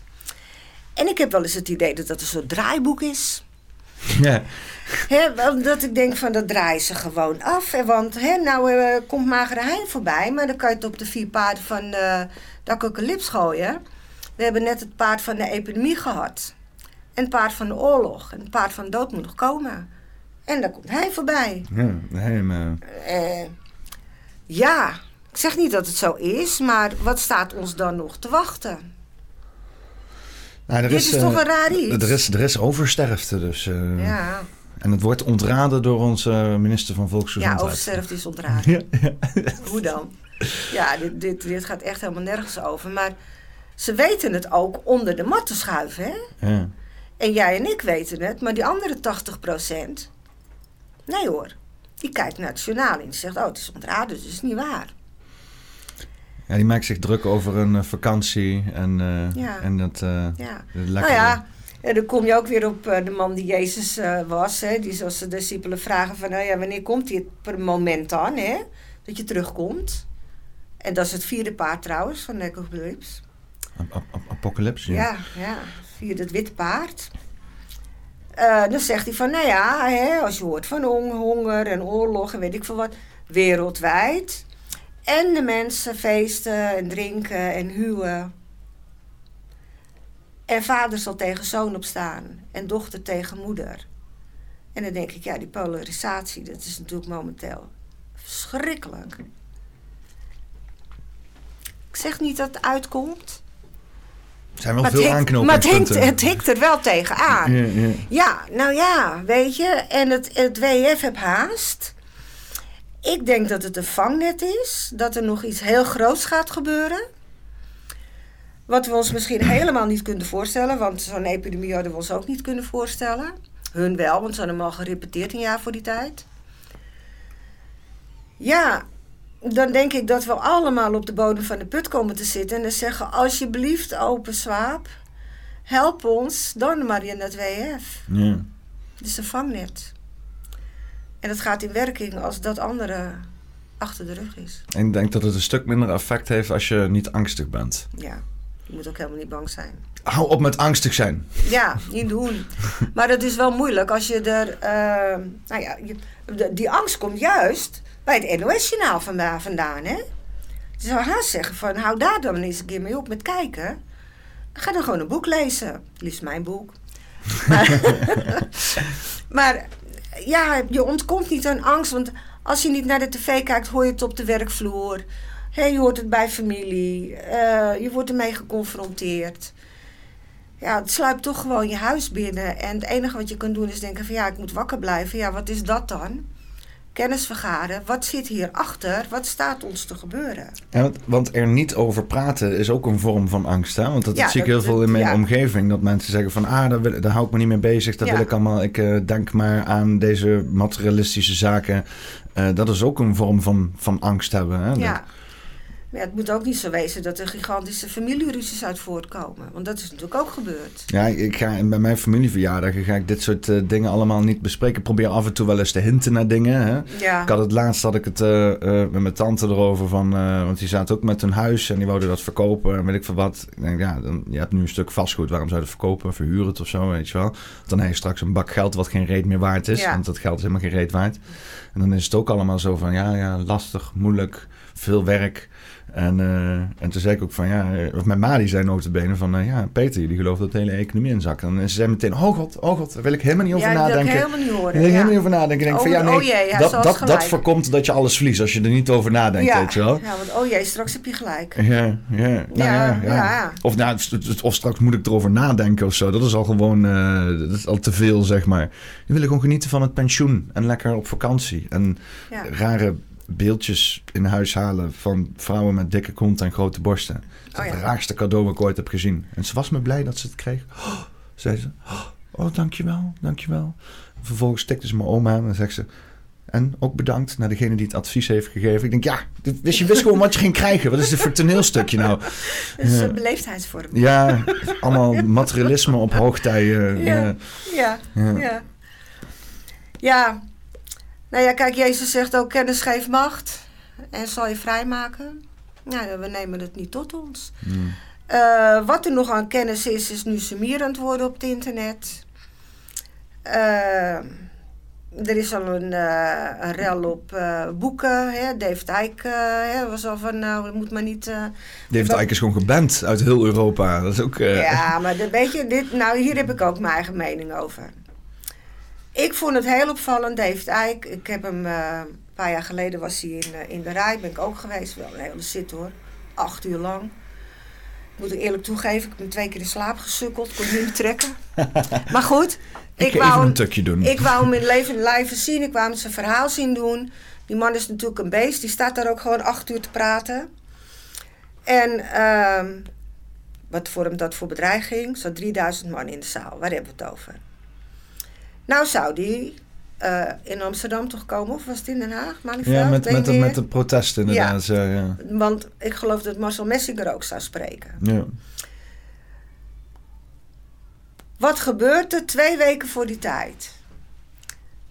Gaat Terry Baudet in een interview bij uh, Engel, volgens mij was het een Engels interview, de naam reptiel erin gooien. Ja. Nou, dat was de reden. Nou zeg ik niet dat Terry dat expres heeft gedaan, maar het kan wel. Ja. Want de politiek heeft een aangever nodig om iets buiten de deur te houden. Wat voor heksenjacht is er wel niet meteen op David Icke losgelaten? Nou heb hij gelukkig een, eh, een olifantenhuid, dus het zal hem een zorg wezen. En zijn boeken zijn meer verkocht dan ooit natuurlijk. Maar ik vond het opvallend. Terry maakt een opmerking. Hij maakt aan de lopende band opmerkingen. En deze opmerking wordt meteen, hey, weer hij, ja. wordt meteen weer gebruikt om David Icke, Hero, twee jaar lang de deur te, te weigeren. Dan denk ik, dit is gespeeld. Oké, ja. Ja. Ja, ik hoor ook steeds meer uh, mensen nou uh, die uh, eerst hooglijk fan waren van Forum voor Democratie. gaan zeggen van misschien is het dan een psyop. misschien is het wel, het gloeit, zeggen we dan. ja, ik, ik weet het ook niet. Vorige een paar weken terug had hij ook, hij ook een podcast, ook een, zit ik ook wel eens naar te kijken. kwam het ook heel even te sprake. Dat hij zei ja, ik, ik zei even iets geloof ik van reptiel. En, en toen zei een van de anderen van, ja, maar ja, je hebt ook goede bedoelingen, weet je. En dan zegt hij, oh, ben je ook in Antarctica geweest? Dan denk ik, wat is dat nou weer voor een rare opmerking? En toen dacht ik, ik moet even het beeld groter maken. We kijken zijn ogen naartoe. En toen keek hij toch ook even anders. En hij kreeg een hoogrode kleur, heel even. Hmm. Toen dacht ik, waarom, waarom, waarom bespreek je dit? Waarom, waarom moet dit? Ja, dat soort dingen vallen mij dan op. Ja. He, want dan kom je op Antarctica. Nou, daar we het ook nog wel even over hebben. Wat gebeurt daar dan in godsnaam allemaal? Een paus die erheen moet, elke koninklijke familie moet daar naartoe, uh, regeringsleiders moeten daar naartoe. Dus jij, Ping, wil zo kijken, mag je er niet heen. Zit een of andere portal zit daar of zo? Uh, en dan, uh, nou, toevallig, dan hebben we het over Mickey, die had een uitzending in 2018 of 16 en die man die had het over Antarctica en die heeft het erover dat daar dus. En die is volgens mij ook bij Project eh, Camelot geweest. Uh, dat daar dus iets onder de grond legt van schepen. Een ark of zo. Ja, een ark. En dat daar dus uh, nou ja, wezens hier leggen, maar die, die leggen gewoon eigenlijk in een, in een stilstand. Het slaapt ook niet, maar het is ook niet dood. Waar wacht dat op? En dan denk ik, ja, dat kan natuurlijk allemaal fantasie wezen, maar waarom gaat alles wat ook maar uh, notabel is, daarheen? En de paus ook. Lekker tussen met sneeuwballen Hitler spelen. Hitler zat er al. Hitler zat ook in René Le Chateau. René Le Chateau, dat is eigenlijk een heel apart verhaal. Er zijn documenten onder het altaar gevonden. En de pastoor heeft die documenten naar zijn meerdere gebracht. Daarna is hij stinkend rijk geworden. Iedereen en alles wou met die pastoor in aanraking komen. Dat heeft hij trouwens netjes ook onder de bevolking van het arme dorp verdeeld. Want ze waren de eerste die een, uh, een waterleiding in huis hadden. En dan liet een weg aanleggen, dus die man die werd daar op handen gedragen. Maar hij had vreemd gedrag. Hij spitte s'nachts het kerkerhof, uh, was hij aan het rondspitten. Hij was op zoek naar iets. Waarschijnlijk wat in die documenten uh, gestaan heeft. Ondertussen zijn die documenten wel wat boven water komen borrelen, ook door heilige graal en bloed. En daar staat in dat uh, het pad van de blauwe pruimen zichtbaar wordt en leidt naar het paard van God. Hmm. Dat is een hele cryptische omschrijving. Maar als je in die kerk bent, want hij heeft die kerk ook met dat geld wat hij zeg maar, uh, nou ja, van Koningshuis kreeg, heeft hij helemaal laten ombouwen. Hè? Asmodeus staat bij uh, de voordeur, maar in het zonneraam hangen blauwe druiven. Maar alleen als in de herfst de zon daarop schijnt, heeft hij een reflectie op het altaar. Dus dat is een hint, zeg maar. Nou, er is een man die heeft zich daar helemaal in verdiept. Die heeft daar ook een, uh, een biografie over geschreven. En die heeft uh, dat pad gevonden. Dat heeft wel zijn vrouw uh, bijna haar leven gekost. Want ze zijn wel een paar keer bezocht door zeg maar Men in Black. En ze zijn momenteel, ik weet niet of ze nog leven. Dat was in de jaren tachtig. Uh, gevlucht naar Ierland. Maar die man die heeft een grot ontdekt.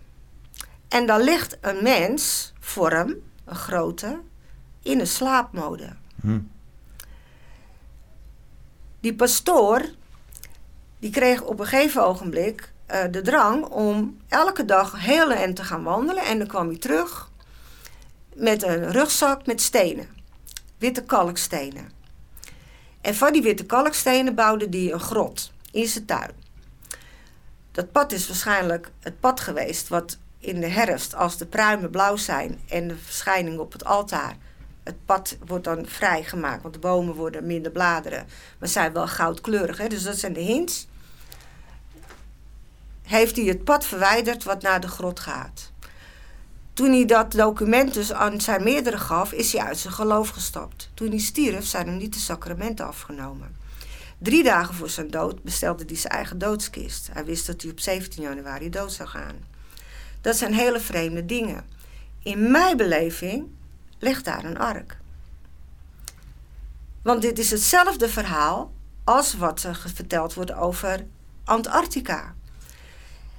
Ik ben natuurlijk twee keer in dat gebied geweest. Ik dacht, oh, ik moet natuurlijk dat pad vinden. Maar ja, je bent op vakantie. Andere mensen hebben er niet zoveel interesse in. Dus ja, dan loop je toch weer ergens Wat ben aan het doen? Ik ben een pad aan het zoeken. Ik, ik wil daar gewoon een jaar wonen en dan eh, kijken of ik. eh, want hij heeft ook codes achtergelaten en dat vergrendeld op het internet.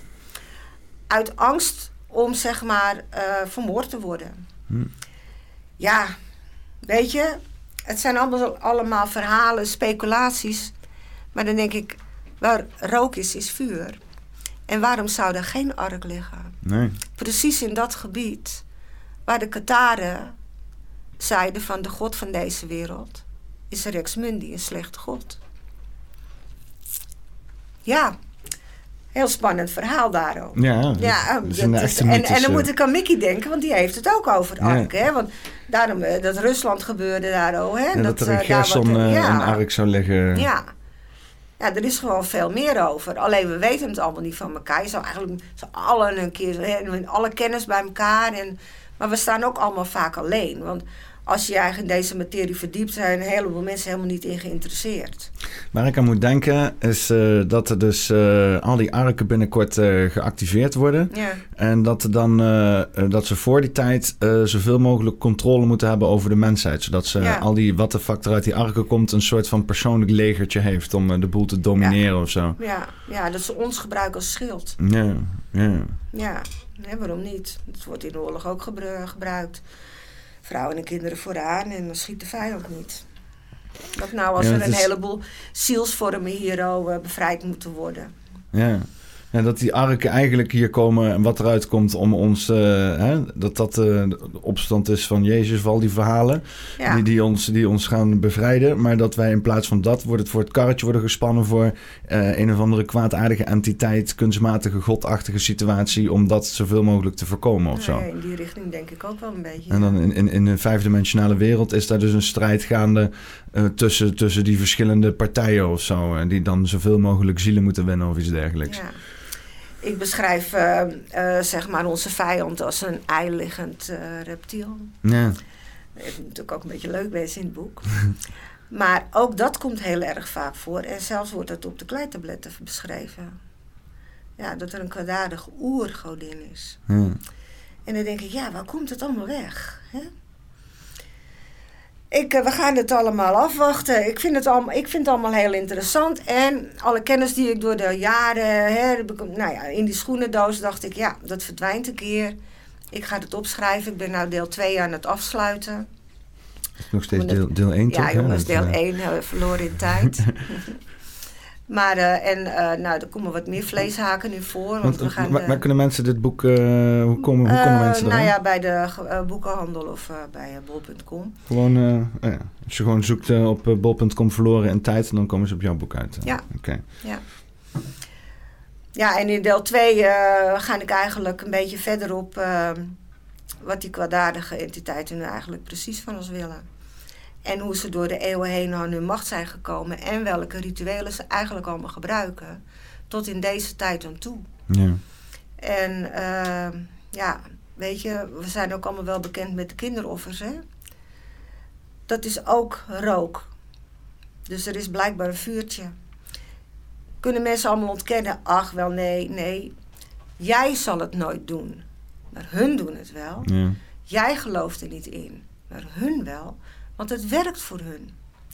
En het werkt voor ons niet door er niet in te geloven. Want als we het serieus zouden nemen, ja, dan konden ze nog eens door de mand heen vallen. Want dan zien we wat ze aan het doen zijn. En dan zeggen we, ja, maar hier doen we niet meer aan mee. Nee. Maar waar ze nu mee bezig zijn, en dat valt mij heel erg op, is groepjes vormen. We hebben een wookgroepje, we hebben een deugdgroepje, we hebben een milieugroepje, en we hebben een gendergroepje. Een en- nationalistisch groepje. eh, en, eh, eh, weet ik veel wat voor groepjes allemaal, een ja. breigroepje.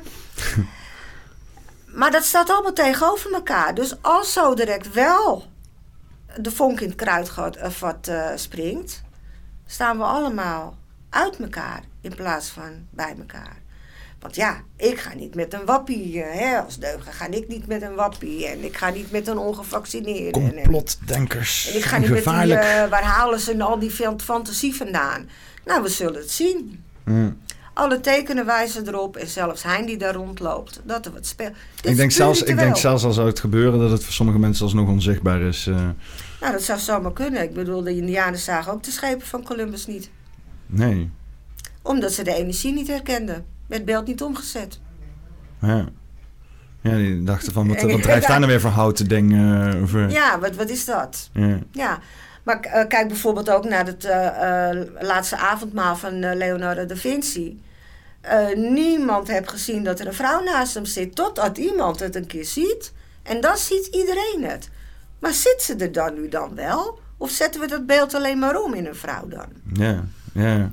Interessante gedachte. is zo'n beetje die CERN-achtige tafereelen, hè? Dat, Ja. eh, met, met, eh, ja, wat is, eh, of wat, je weet het pas als je het ziet. Ja, En, maar met CERN heb je toch ook zo'n zo'n principe van eh, eh, Mandela-effecten. Dat, dus, dat wordt dan gekoppeld aan CERN, dat daar dan allerlei activiteiten zijn die onze realiteit manipuleren. ja, En dat er daardoor allerlei gedachten waren die wij hadden. Zoals bijvoorbeeld dat het komt dan uit dat Nelson Mandela dood zou zijn. Eh, gegaan in de cel. Maar dat dat dan eh, dat heel veel mensen die gedachten hadden in hun hoofd. Maar dat, dat was dus dan niet gebeurd. En er komen dan heel veel nog meer Mandela-effecten uit. Mijn eh, meest rare Mandela-effect is dat eh, de scène van James Bond. Dat, eh, die, dat van Star Raker of zo. Dat is dat, ik weet niet of je de James Bond films hebt gezien. nou nee. Nou, dat is zo'n scène. Dan gaat James Bond naar de ruimte toe notabene. En hij heeft zeg maar de ultieme tegenstander. Dat is Jaws. En die heeft een Oh ijzeren, ja, ja, die heeft die een ijzeren, mond. ijzeren gebit. Maar ja. Jaws die wordt dus verliefd op een klein, een klein vrouwtje. Ja, ja, En dan heb je zo'n scène. Dan lacht hij met zijn ijzeren mond. En En- dan lacht zij met een beugel. ja, Want dat is dan leuk. Weet je wel? Zijn ijzeren mond, haar ijzeren mond. Zij heeft helemaal geen beugel. nee. Maar, maar, the, the fuck? Ja, Dus- maar dat, wat jij vertelt komt me niet onbekend voor, want ik heb het met de Godfather. Ik ben een fan van de Godfather, vind ik helemaal geweldig. Ik denk, oh heerlijk, gaan al drie films kijken. Maar als ze dan op de tv verschijnen, dan denk ik, hé, die scène loopt toch heel anders? Nou, ik ga hem niet helemaal napluisteren op mijn dvd, maar dan denk ik, nou, ik heb hem nou al zo vaak gezien. Het is, klopt toch niet helemaal. Ja. Wat is dat? Maar dan praat je bijna dat ze tijd en ruimte kunnen verplaatsen. En dan kom je op het Philadelphia-experiment uit. Want dan kan je tijd en ruimte verplaatsen. En dat we op andere tijdlijnen worden gezet Ja. de hele tijd. Ja. En dat is natuurlijk ook interessant. En daar waren ze natuurlijk ook mee aan het experimenteren. Wat kunnen ze in, met de Tweede Wereldoorlog? Wat kunnen ze nu dan wel niet? Daar kan je dingen ook mee naar je hand zetten, Ja. blijkbaar. Het Philadelphia-experiment. eh, Ja. Dat gebeurde tijdens de Tweede Wereldoorlog. Ja, die boot. Hè? en Dat eh, die jongens eh vast zaten in, in, in de wand. En, Oh ja, inderdaad. Ja. Ja.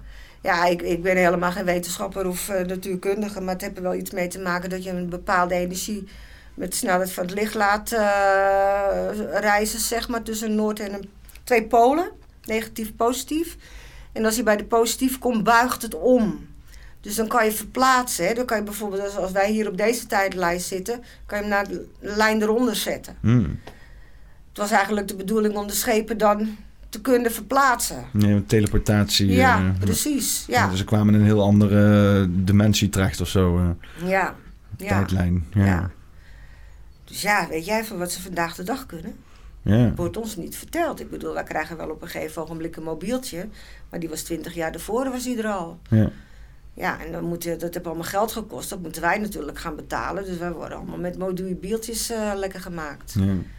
Nou ja, dat is momenteel je grootste vijand aan het worden. Ja, want je bent overal traceerbaar. Ja, met de hele tijd getriggerd in je ja. zak. ja. Kijk, geef me aandacht. Ja, dus het is, uh, het is alles wat uh, mooi is. En, ja, want, dat zijn we kinderen in de speeltuin. Er komt een nieuw speeltje bij.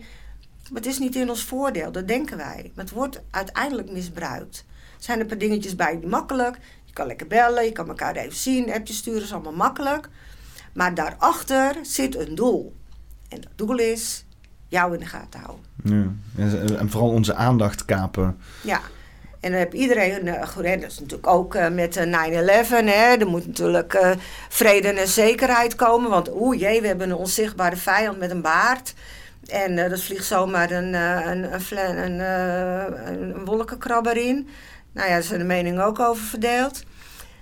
Help, doe wat. Nou ja, dat kan wel, maar dan moeten we alles beveiligen. Ja, nou doe maar, want ik heb niks te verbergen. Ja. Ja, en nu zijn we op een periode dat het allemaal in ons nadeel gaat werken.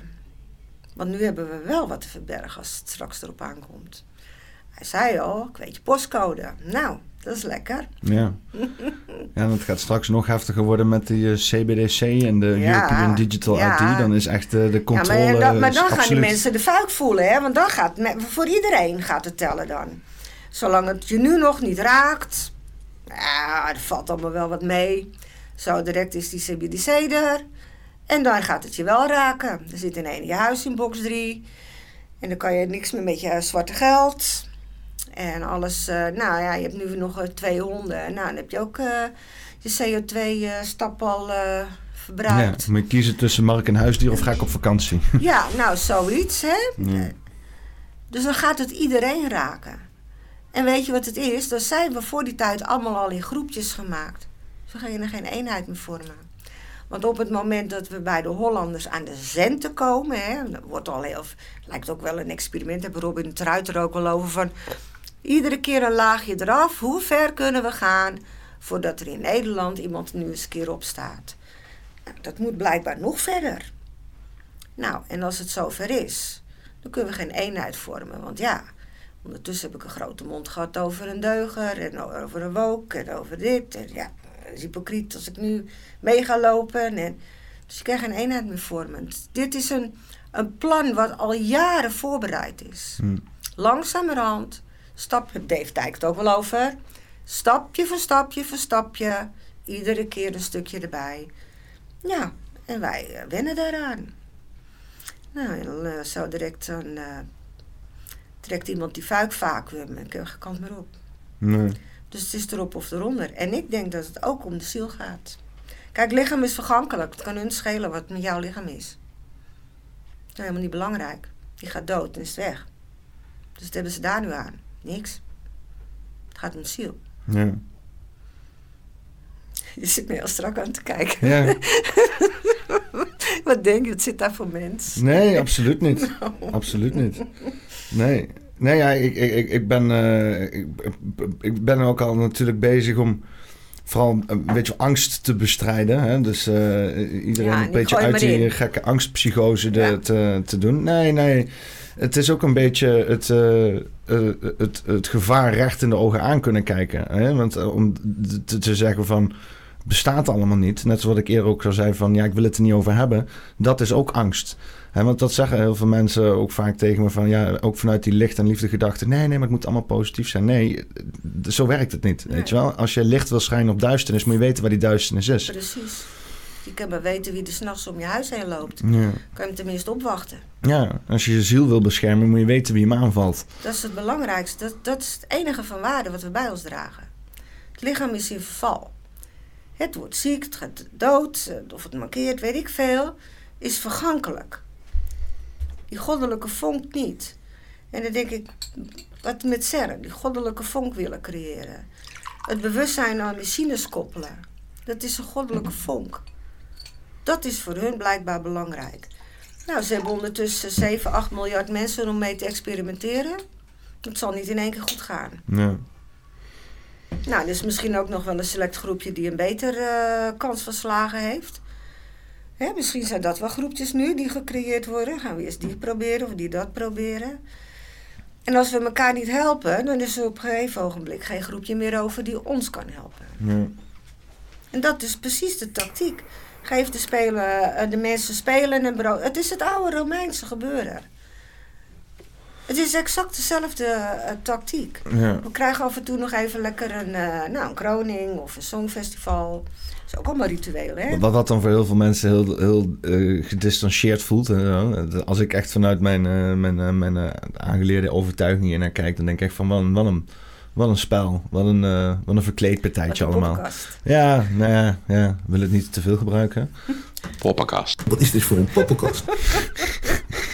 maar ja, het is, eh, weet je, aan de ene kant van mijn hoofd zegt verkleedpartijtje. Eh mensen die, eh, die, die doen het alleen maar om extra waarde te hechten aan... aan en- zichzelf een verhaal te vertellen... Wat, wat, wat dan voor ons enigszins een overtuiging zou moeten zijn. Aan de andere kant denk ik van... Oh, misschien zitten ze wel met allerlei multidimensionale dingen te spelen... en portals te openen en weet ik veel wat allemaal niet... om hier binnen te halen en dergelijke. Ja. Nou ja, het is ook heel apart dat eh, de god Shiva daar voor de deur staat, hè, bij CERN. ja, en ook dat ritueeltje is gedaan daar. Ja, ja. Dat, hè, dan denk ik ook van, nou, ze zal niet echt vermoord geweest zijn, maar het, nou ja, het leek er wel op. Ja. Maar wat doet die god daar al? Ja. Dat is de god, van destructie of zo, toch? Ja, de verwoester, de grote verwoester. Maar ook die opening van die, van die tunnel in Zwitserland. Gotthardtunnel. Zo, nou. Maar is, is dat niet, zijn dat niet eh, natuurgeloven en zo van, van, van de Zwitserse? Want waar, ik ook heel vaak op terugkijk vanuit, als ik zeg maar door die bijbelse bril kijk, dan zijn al die natuur... elementen, zoals het, het aan- aanbidden van je omgeving. Vanuit, als je dus een natuurvolk hebt, maakt niet uit waar je zit in de wereld. Dan hebben ze allemaal antropomorfisaties, dus eh, persoonlijk, personificeringen van allerlei eh, levensaspecten. Hè? En dat doen ze dan aan de hand van hun omgeving. Dus in, eh, bij de Maya's zie je veel dingen met panters. En eh, in Afrika zie je veel dingen met, met tijgers. En hier in Europa en vooral dan in Zwitserland... je natuurlijk een hele hoop shit met geiten en dergelijke. Er Ja. zitten allemaal berggeiten. Ja, Dan vraag ik me af van... is dat, is, dat dan, is, dat, is dat juist niet meer een verering van wat hun voorouders daar ook al deden? Wat inderdaad wij door een christelijke bril eh, niet kunnen begrijpen, omdat dat allemaal gekaapt is door allemaal. eh, hè, eh, dit moet allemaal slecht gezien worden en dergelijke. Of is het, zijn het echte duivelse praktijken die daar gaande zijn? nou ja, ik, ik ging hem kijken en toen dacht ik van, komt er nou gewoon een griezelige wagon aan, een trein? Mensen erop, zombies die lopen allemaal in hetzelfde pak. Nou, ik vind die echt een verering aan mijn voorouders. Nee, dat is Hè, waar, dus ja. dat is al een beetje vreemd. En wat me toen opviel, dat er op een gegeven ogenblik een, eh, een, een, een engel afdaalt eh, als man en vrouw. En dan denk ik, ja, daar zitten we nu dan in, hè? Met het hele transgender gebeuren. Kijk, het kan mij helemaal niet schelen wat iemand met zijn lijf doet, hoor. Ik vind het allemaal helemaal prima. Maar met die opening van die tunnel werd het wel gepresenteerd. Ja. En je kan mij niet vertellen dat hier ook geen gedachte achter zit. Dit heeft ook een doel. Alleen wij kennen het doel niet. Nee. Nou, dan kom je later, heb je die, eh, die scènes buiten. Hè. Het staat allemaal in ondergoed. eh, nou, er springen inderdaad een paar van van, van, die, van die geiten tussendoor. Maar dan zie je iets heel aparts. Dat mensen, worden touwen naar beneden gegooid. En ze proberen omhoog te klimmen. Maar het lukt niet, dus ze vallen constant naar beneden. Dus we zitten op de bodem van de put. We willen eruit. Is dat dat... het was een naakt iets. Het karton. En het wil maar niet lukken en het wil maar niet lukken. En uiteindelijk komt er een levensgroot demonisch hoofd afgebeeld op die berg. Dan denk ik, wat is dit? En er zitten heel veel eh, wereldleiders. Dat zit daar allemaal stilletjes te kijken. Kijk dit. Vind je dit niet eng, die trein? Lammetjes omhoog gehouden. Engels en ondergoed. Dat is even een hele kleine samenvatting. Ja, ja ze schrijven het allemaal weg als eh, int- interpretatieve dans en zo. Ja, hè. ik geloof En, er eh, helemaal niks van. ja, het heeft wel eh, behoorlijke Nee. religieuze connotaties en zo. Alem, hè? Ja, dat staat de loon omhoog. Weet je wel dat dat de entiteit van Alistair Crowley was? Een lam? Ja, die Hm. noemde zich Lam. Oh ja. Ja. Daar kreeg hij zeg maar zijn magie van door. Kan je ook allemaal geloven of niet, maar hij was wel degene die Churchill het V-teken gaf. Oké, oh ja. Ja, ook weer interessant. Ja, zo spring je van hot naar her natuurlijk, door alles heen. Maar eh, ja, er is meer aan de hand achter de schermen dan dat wij weten. Maar wij zitten naar eh soapseries te kijken, al 30 jaar lang. En dat is ook allemaal niet erg. Maar we verdiepen ons niet in waar komen wij nu echt weg. En wat heeft dit allemaal voor geschiedenis. Wat nu zich gaat openbaren hè, met een WF.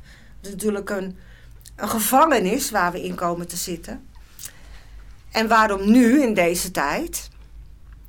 En wat zit hier nou eigenlijk voor eh, entiteiten achter? Ja. Ja, daar zal je toch de geschiedenis in moeten om erachter te komen waar het wegkomt. Nou ja, dat probeer ik in deel 2 uit te leggen. Wanneer, wanneer komt deel 2 uit? Nou, ik hoop dat ik hem deze maand bij de uitgever terecht krijg. Ja. En dan eh, was ook de bedoeling om het te vertalen. Maar ja, moet ik nog even lege flessen inleveren, want dat is wel aardig wat geld. Heb je deel 1 al vertaald? Of, Nee, eh, nog niet. Ik wacht even deel 2. eh Kan jij goed vertalen? app mij. Ja. ja, je schrikt je rot, joh. Ja, nou ja, goed, je zult zien. eh achtergeld is toch niks meer waard. Dus nou ja. Ja, ja. Maar het, weet je, het, het- ja, ik, ik moet hem op de markt gooien eigenlijk om, om een ander publiek. Want op Telegram had ik hem natuurlijk wel op sites waar mensen zich geïnteresseerd zijn ook in deze materie. Ja, die nemen dan wel grif af. Maar daarnaast zit nog 80% die wij wakker moeten krijgen. En ehm, dit is mijn stukje aandeel aan de mensheid, zeg maar. Van nou, dit weet ik. Alsjeblieft, zoek het een keer uit. Het is heel interessant dat Hitler ook in eh René, eh, eh, René Le Chateau aan het spitten was. Wat moest die daar dan? Er zijn heel veel lijntjes die naar dat gebied van die Kataren gaan. Dat stukje waar Maria liep. Wat, wat ligt daar nu dan verborgen? Wat is er zo belangrijk? ja. En waarom linkt dat dan buitenaards? Dat is interessant. Dan, dan zijn wij niet alleen. Kijk, en als hun zeggen van nou we komen, dan zijn ze misschien een week onderweg. Maar voor ons is dat misschien 4000 jaar. Want dan ga je weer. Tijd en ruimte is een illusie. Onze tijd gaat waarschijnlijk veel sneller. Kijk naar een fruitvlieg. Die denkt dat hij heel lang leeft. Maar het dat is maar eh, een dag. Dat is maar een dag, ja. ja. En daar doet hij alles in. Plant zich voort, eh, weet ik veel. Tijd is sowieso niet echt lineair en zo. Ja. Hè? Dat loopt alle kanten op Ja. als het goed is. Ja. Ja. Ja, Einstein eh, die zei dat toch mooi. Hè? Als je in de tandartsstoel legt, dan eh, duurt het heel lang. Maar als je een mooie vrouw ziet, is het allemaal kort. Ja. En, eh, weet je dat? hè? Ja. Kan het Dus, ja. beamen. Tandartsbezoeken duren heel lang. Ja, dus, eh, ik was van de week. Ik was eigenlijk heel snel klaar. Oh nee, mazzel gehad. Ja. Maar ja, goed. Maar de- ja, het is gewoon jammer dat we bezighouden. Want dat is natuurlijk ook. We worden bezighouden met angst. We worden bezighouden met nou ja, spelen. Met dit en met dat. We kijken de verkeerde kant op. Ja. Als daar wat gebeurt, kijken we allemaal daarheen. Want daar gebeurt dan iets, weet je. Het is ook heel apart dat als er een keer wat gebeurt... dan daar dan ook weer net een wet er doorheen gedrukt wordt. ja, ja, ja. En dan, voordat, als wij dan die kant op kijken, is het al klaar. En kunnen we ook helemaal niets meer. Ja, waar zijn we mee bezig? Een handjevol mensen die houdt hier alles in de tang. Dat moet ophouden. Het kan toch niet zo wezen als wij een vrije wil hebben... dat we niet meer zelf kunnen beslissen hoe we ons leven leiden? En je kan het voor jezelf nog altijd beslissen, maar voor, eh, voor heel veel mensen. eh, om heel veel mensen daar op sleeptouw te nemen, dat, is, dat lijkt wel een onmogelijke taak. Ja. Ja. Ja. ja, er zijn heel veel mensen die hiervoor waarschuwen. Ik ben niet de enige. Ja, kijk naar Marcel Messing, die waarschuwt hier ook voor. Hm. Peter Tonen, die heeft het hier ook over. Ja. Ja, nou ja, met, met die serie op Netflix van eh, Graham denk ik van... nou, mensen zien nu dat het... Er ligt hartstikke veel onder die grond. Er is meer geweest. We moeten met z'n allen erachter komen, wat was het nu precies? Want ja, ik maak er een trillen van. Ik zal misschien een paar dingen ook niet helemaal correct hebben of wat dan ook. Nou, oké, mensen me maar vergeven. En volgend jaar zal ik misschien nog meer weten. Dat ik denk van, oh, dat had er ook nog in gemoeten. Of andersom. Het, het ging mij erom van, dit weet ik. Ik wil het jullie geven. Nou ja, nu is het in een boekvorm te koop. Mag hem nou niet meer vrij op de markt gooien natuurlijk. Want dan wordt mijn uitgever kwaad. ja, oh ja. Oh ja, dus dat kan niet meer. Ik had nog twee aanvragen daarna van... eh, en dacht ik, oh wat zielig, die mensen hebben het net aangevraagd. En ik kan het niet meer doen. Ik denk, nou ja, weet je, een stuk gewoon boeken. Maar schelen. Ja. Ja. wel mooi om een boek te hebben. Het is toch fijner lezen als een pdf wat dat betreft. Ja, natuurlijk. Ja. Ja, boek is gewoon leuker. Als ik het zo hoor, dan moeten we heel veel mensen die willen, willen opstijgen, willen naar boven, willen hoger op. Huis. Maar we moeten, we moeten volgens mij eh, juist gaan graven en dieper Ja. gaan. Ja. We moeten kijken waar dit wegkomt. Wat hun zo machtig maakt. Er is een macht achter deze macht die hun die macht geeft. Ja. En daar hebben ze blijkbaar dan ook weer geen, geen, geen eh, actieve herinneringen aan. Dat, dat, eh, Je hoort het heel vaak, hè? Mensen die denken dat we bestuurd worden door een bepaalde elitegroep. Wat raar. Hoe komen ze daar toch bij? ja, maar eigenlijk vertelt hij het gewoon. Ja, ja, ja. En wat zit daar dan achter? En zit dat dan, eh, waar woont dat dan? Zit dat ook op Antarctica? Moeten ze daar dan... eh, Voorbij de ijsmuur. Nou ja, die, die, die General eh, eh, Beurt, die was er overheen gevlogen. En die zegt gewoon, het is gewoon tropisch. eh, maar er zijn ook landkaarten van eh, eh, de, Antarctica. Waar nog helemaal geen ijs is. Waar meren op beschreven zijn. De fjorden, eilandjes eromheen. Hoe kan dat? Dat was volgens mij een Turkse kapitein. van, of een commandant van de sultan. En die had die landkaart. Staat ook in een van de boeken van Graham Hancock. Hm. Dan denk ik, dat kan nooit zo lang terugwezen. Maar het moet wel van bovenaf bekeken zijn. Ja, ja. Admiral Bird. Ja, Wel Heel mooi. Dat is- krijg je ook van die Hollow Earth-achtige situaties krijg je eruit. eh, de binnenkant van de aarde. ja Jill Fairness. En heel vaak als ik praat over de binnenkant van de aarde en eh, tektonische activiteiten, dan werk ik ook nog wel eens wat mensen tegen de haren in of zo. Die dan zeggen, nee, nee, nee, dat kan allemaal niet. Dat is allemaal onzin. En in, in zekere zin, je- we weten ook niet echt precies wat er aan de binnenkant van de aarde Nee, we gebeurt. zijn er nog niet geweest. Nee. Misschien is hij wel hol. Ja. Ja, dat zou maar kunnen. Ik eh, wil eh, rustig werken naar een eh, einde toe. Ja, prima. We zijn zo een kleine, kleine, bijna drie uur bezig. Dus, Oh, echt? Ja, ja. Tijd vliegt voorbij, hè? dus ga ik mensen op de zondagavond weer een hele oh ja, tijd bezorgen en zo. lekker. Ah, moet ik weer tot 12 uur zitten luisteren. Ehm, wil je ten eerste nog heel even iets melden of zo? Voordat we... Nou ja, ik, ik denk dat ik alles wel eh, ja, gemeld heb. ja. Ja, we hebben gewoon lekker gesprek gehad. En toen spring je van het een naar het ander. kom, je naar, kom je naar de Bosperians toe? Nou, daar had ik wel even aan gedacht, ja. Mm, mm. Maar ik kan er geen drie dagen heen. Ik heb te druk met mijn werk. Ah, ja. Een dagkaartje is misschien nog wel leuk. Mm. Ja, Nou ja, het is sowieso eh, iedereen die in de podcast eh, is geweest, en dat ben jij dus nu ook, Oh. eh, is sowieso gewoon welkom. Dus Ja. kan gewoon, Oh. kom gewoon gaan buurten. Misschien even aanschuiven zelfs. Ja. Dus, nou gezellig even. ja. Gaan we aan het eind gaan we een titel verzinnen? Ja. Heb je woorden in je hoofd hangen die, die naar voren Ja. komen? Ik heb daar eigenlijk niet zozeer over nagedacht. Wat moet je daar dan van maken? Heel goed. Hè? Moet, eh, ze moeten ook niet over nadenken van Nee, tevoren. ja. Doen we in het moment hier. Ja, Ik zat te denken aan iets met ziel, eh, iets met... eh, ik zat ook wel... we het hadden di- dieper graven om op te stijgen of zo. Of graven om, om op te stijgen. Graven om... graven misschien iets. ja. Ja iets of, of gewoon de titel van het boek. kan natuurlijk ook. Verloren in tijd. Of legt in het verleden de sleutel of zo. Of, eh, Sleutel van het verleden. Dat Ja. Sleutel wel van het verleden. Is ook wel Dat is wel een mooie, mooie cryptische... Ja. Ja. Ja. ja.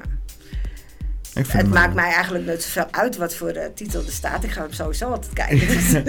Ja, daarom. Ik kan er heel lang over nadenken. Ik vind Sleutel van het verleden vind ik mooi. ja, Dus Ja. heb ik, dat is een unieke titel ook wel. ja. Is goed. Nou, dan ga ik hem eh, afsluiten. Dan eh, was dit eh poppenkast nummer hon- eh, 119. eh, met Yvonne Bessen. Zo, Ik zeg dat ik slecht ben in namen. Van het boek Verloren in Tijd. Poppenkast nummer 119. De sleutel van het verleden. Nou, dankjewel Ja. voor dit gesprek. Nou, graag gedaan. Ik vond het superleuk. Mooi. Ja, ik vond het heel leuk.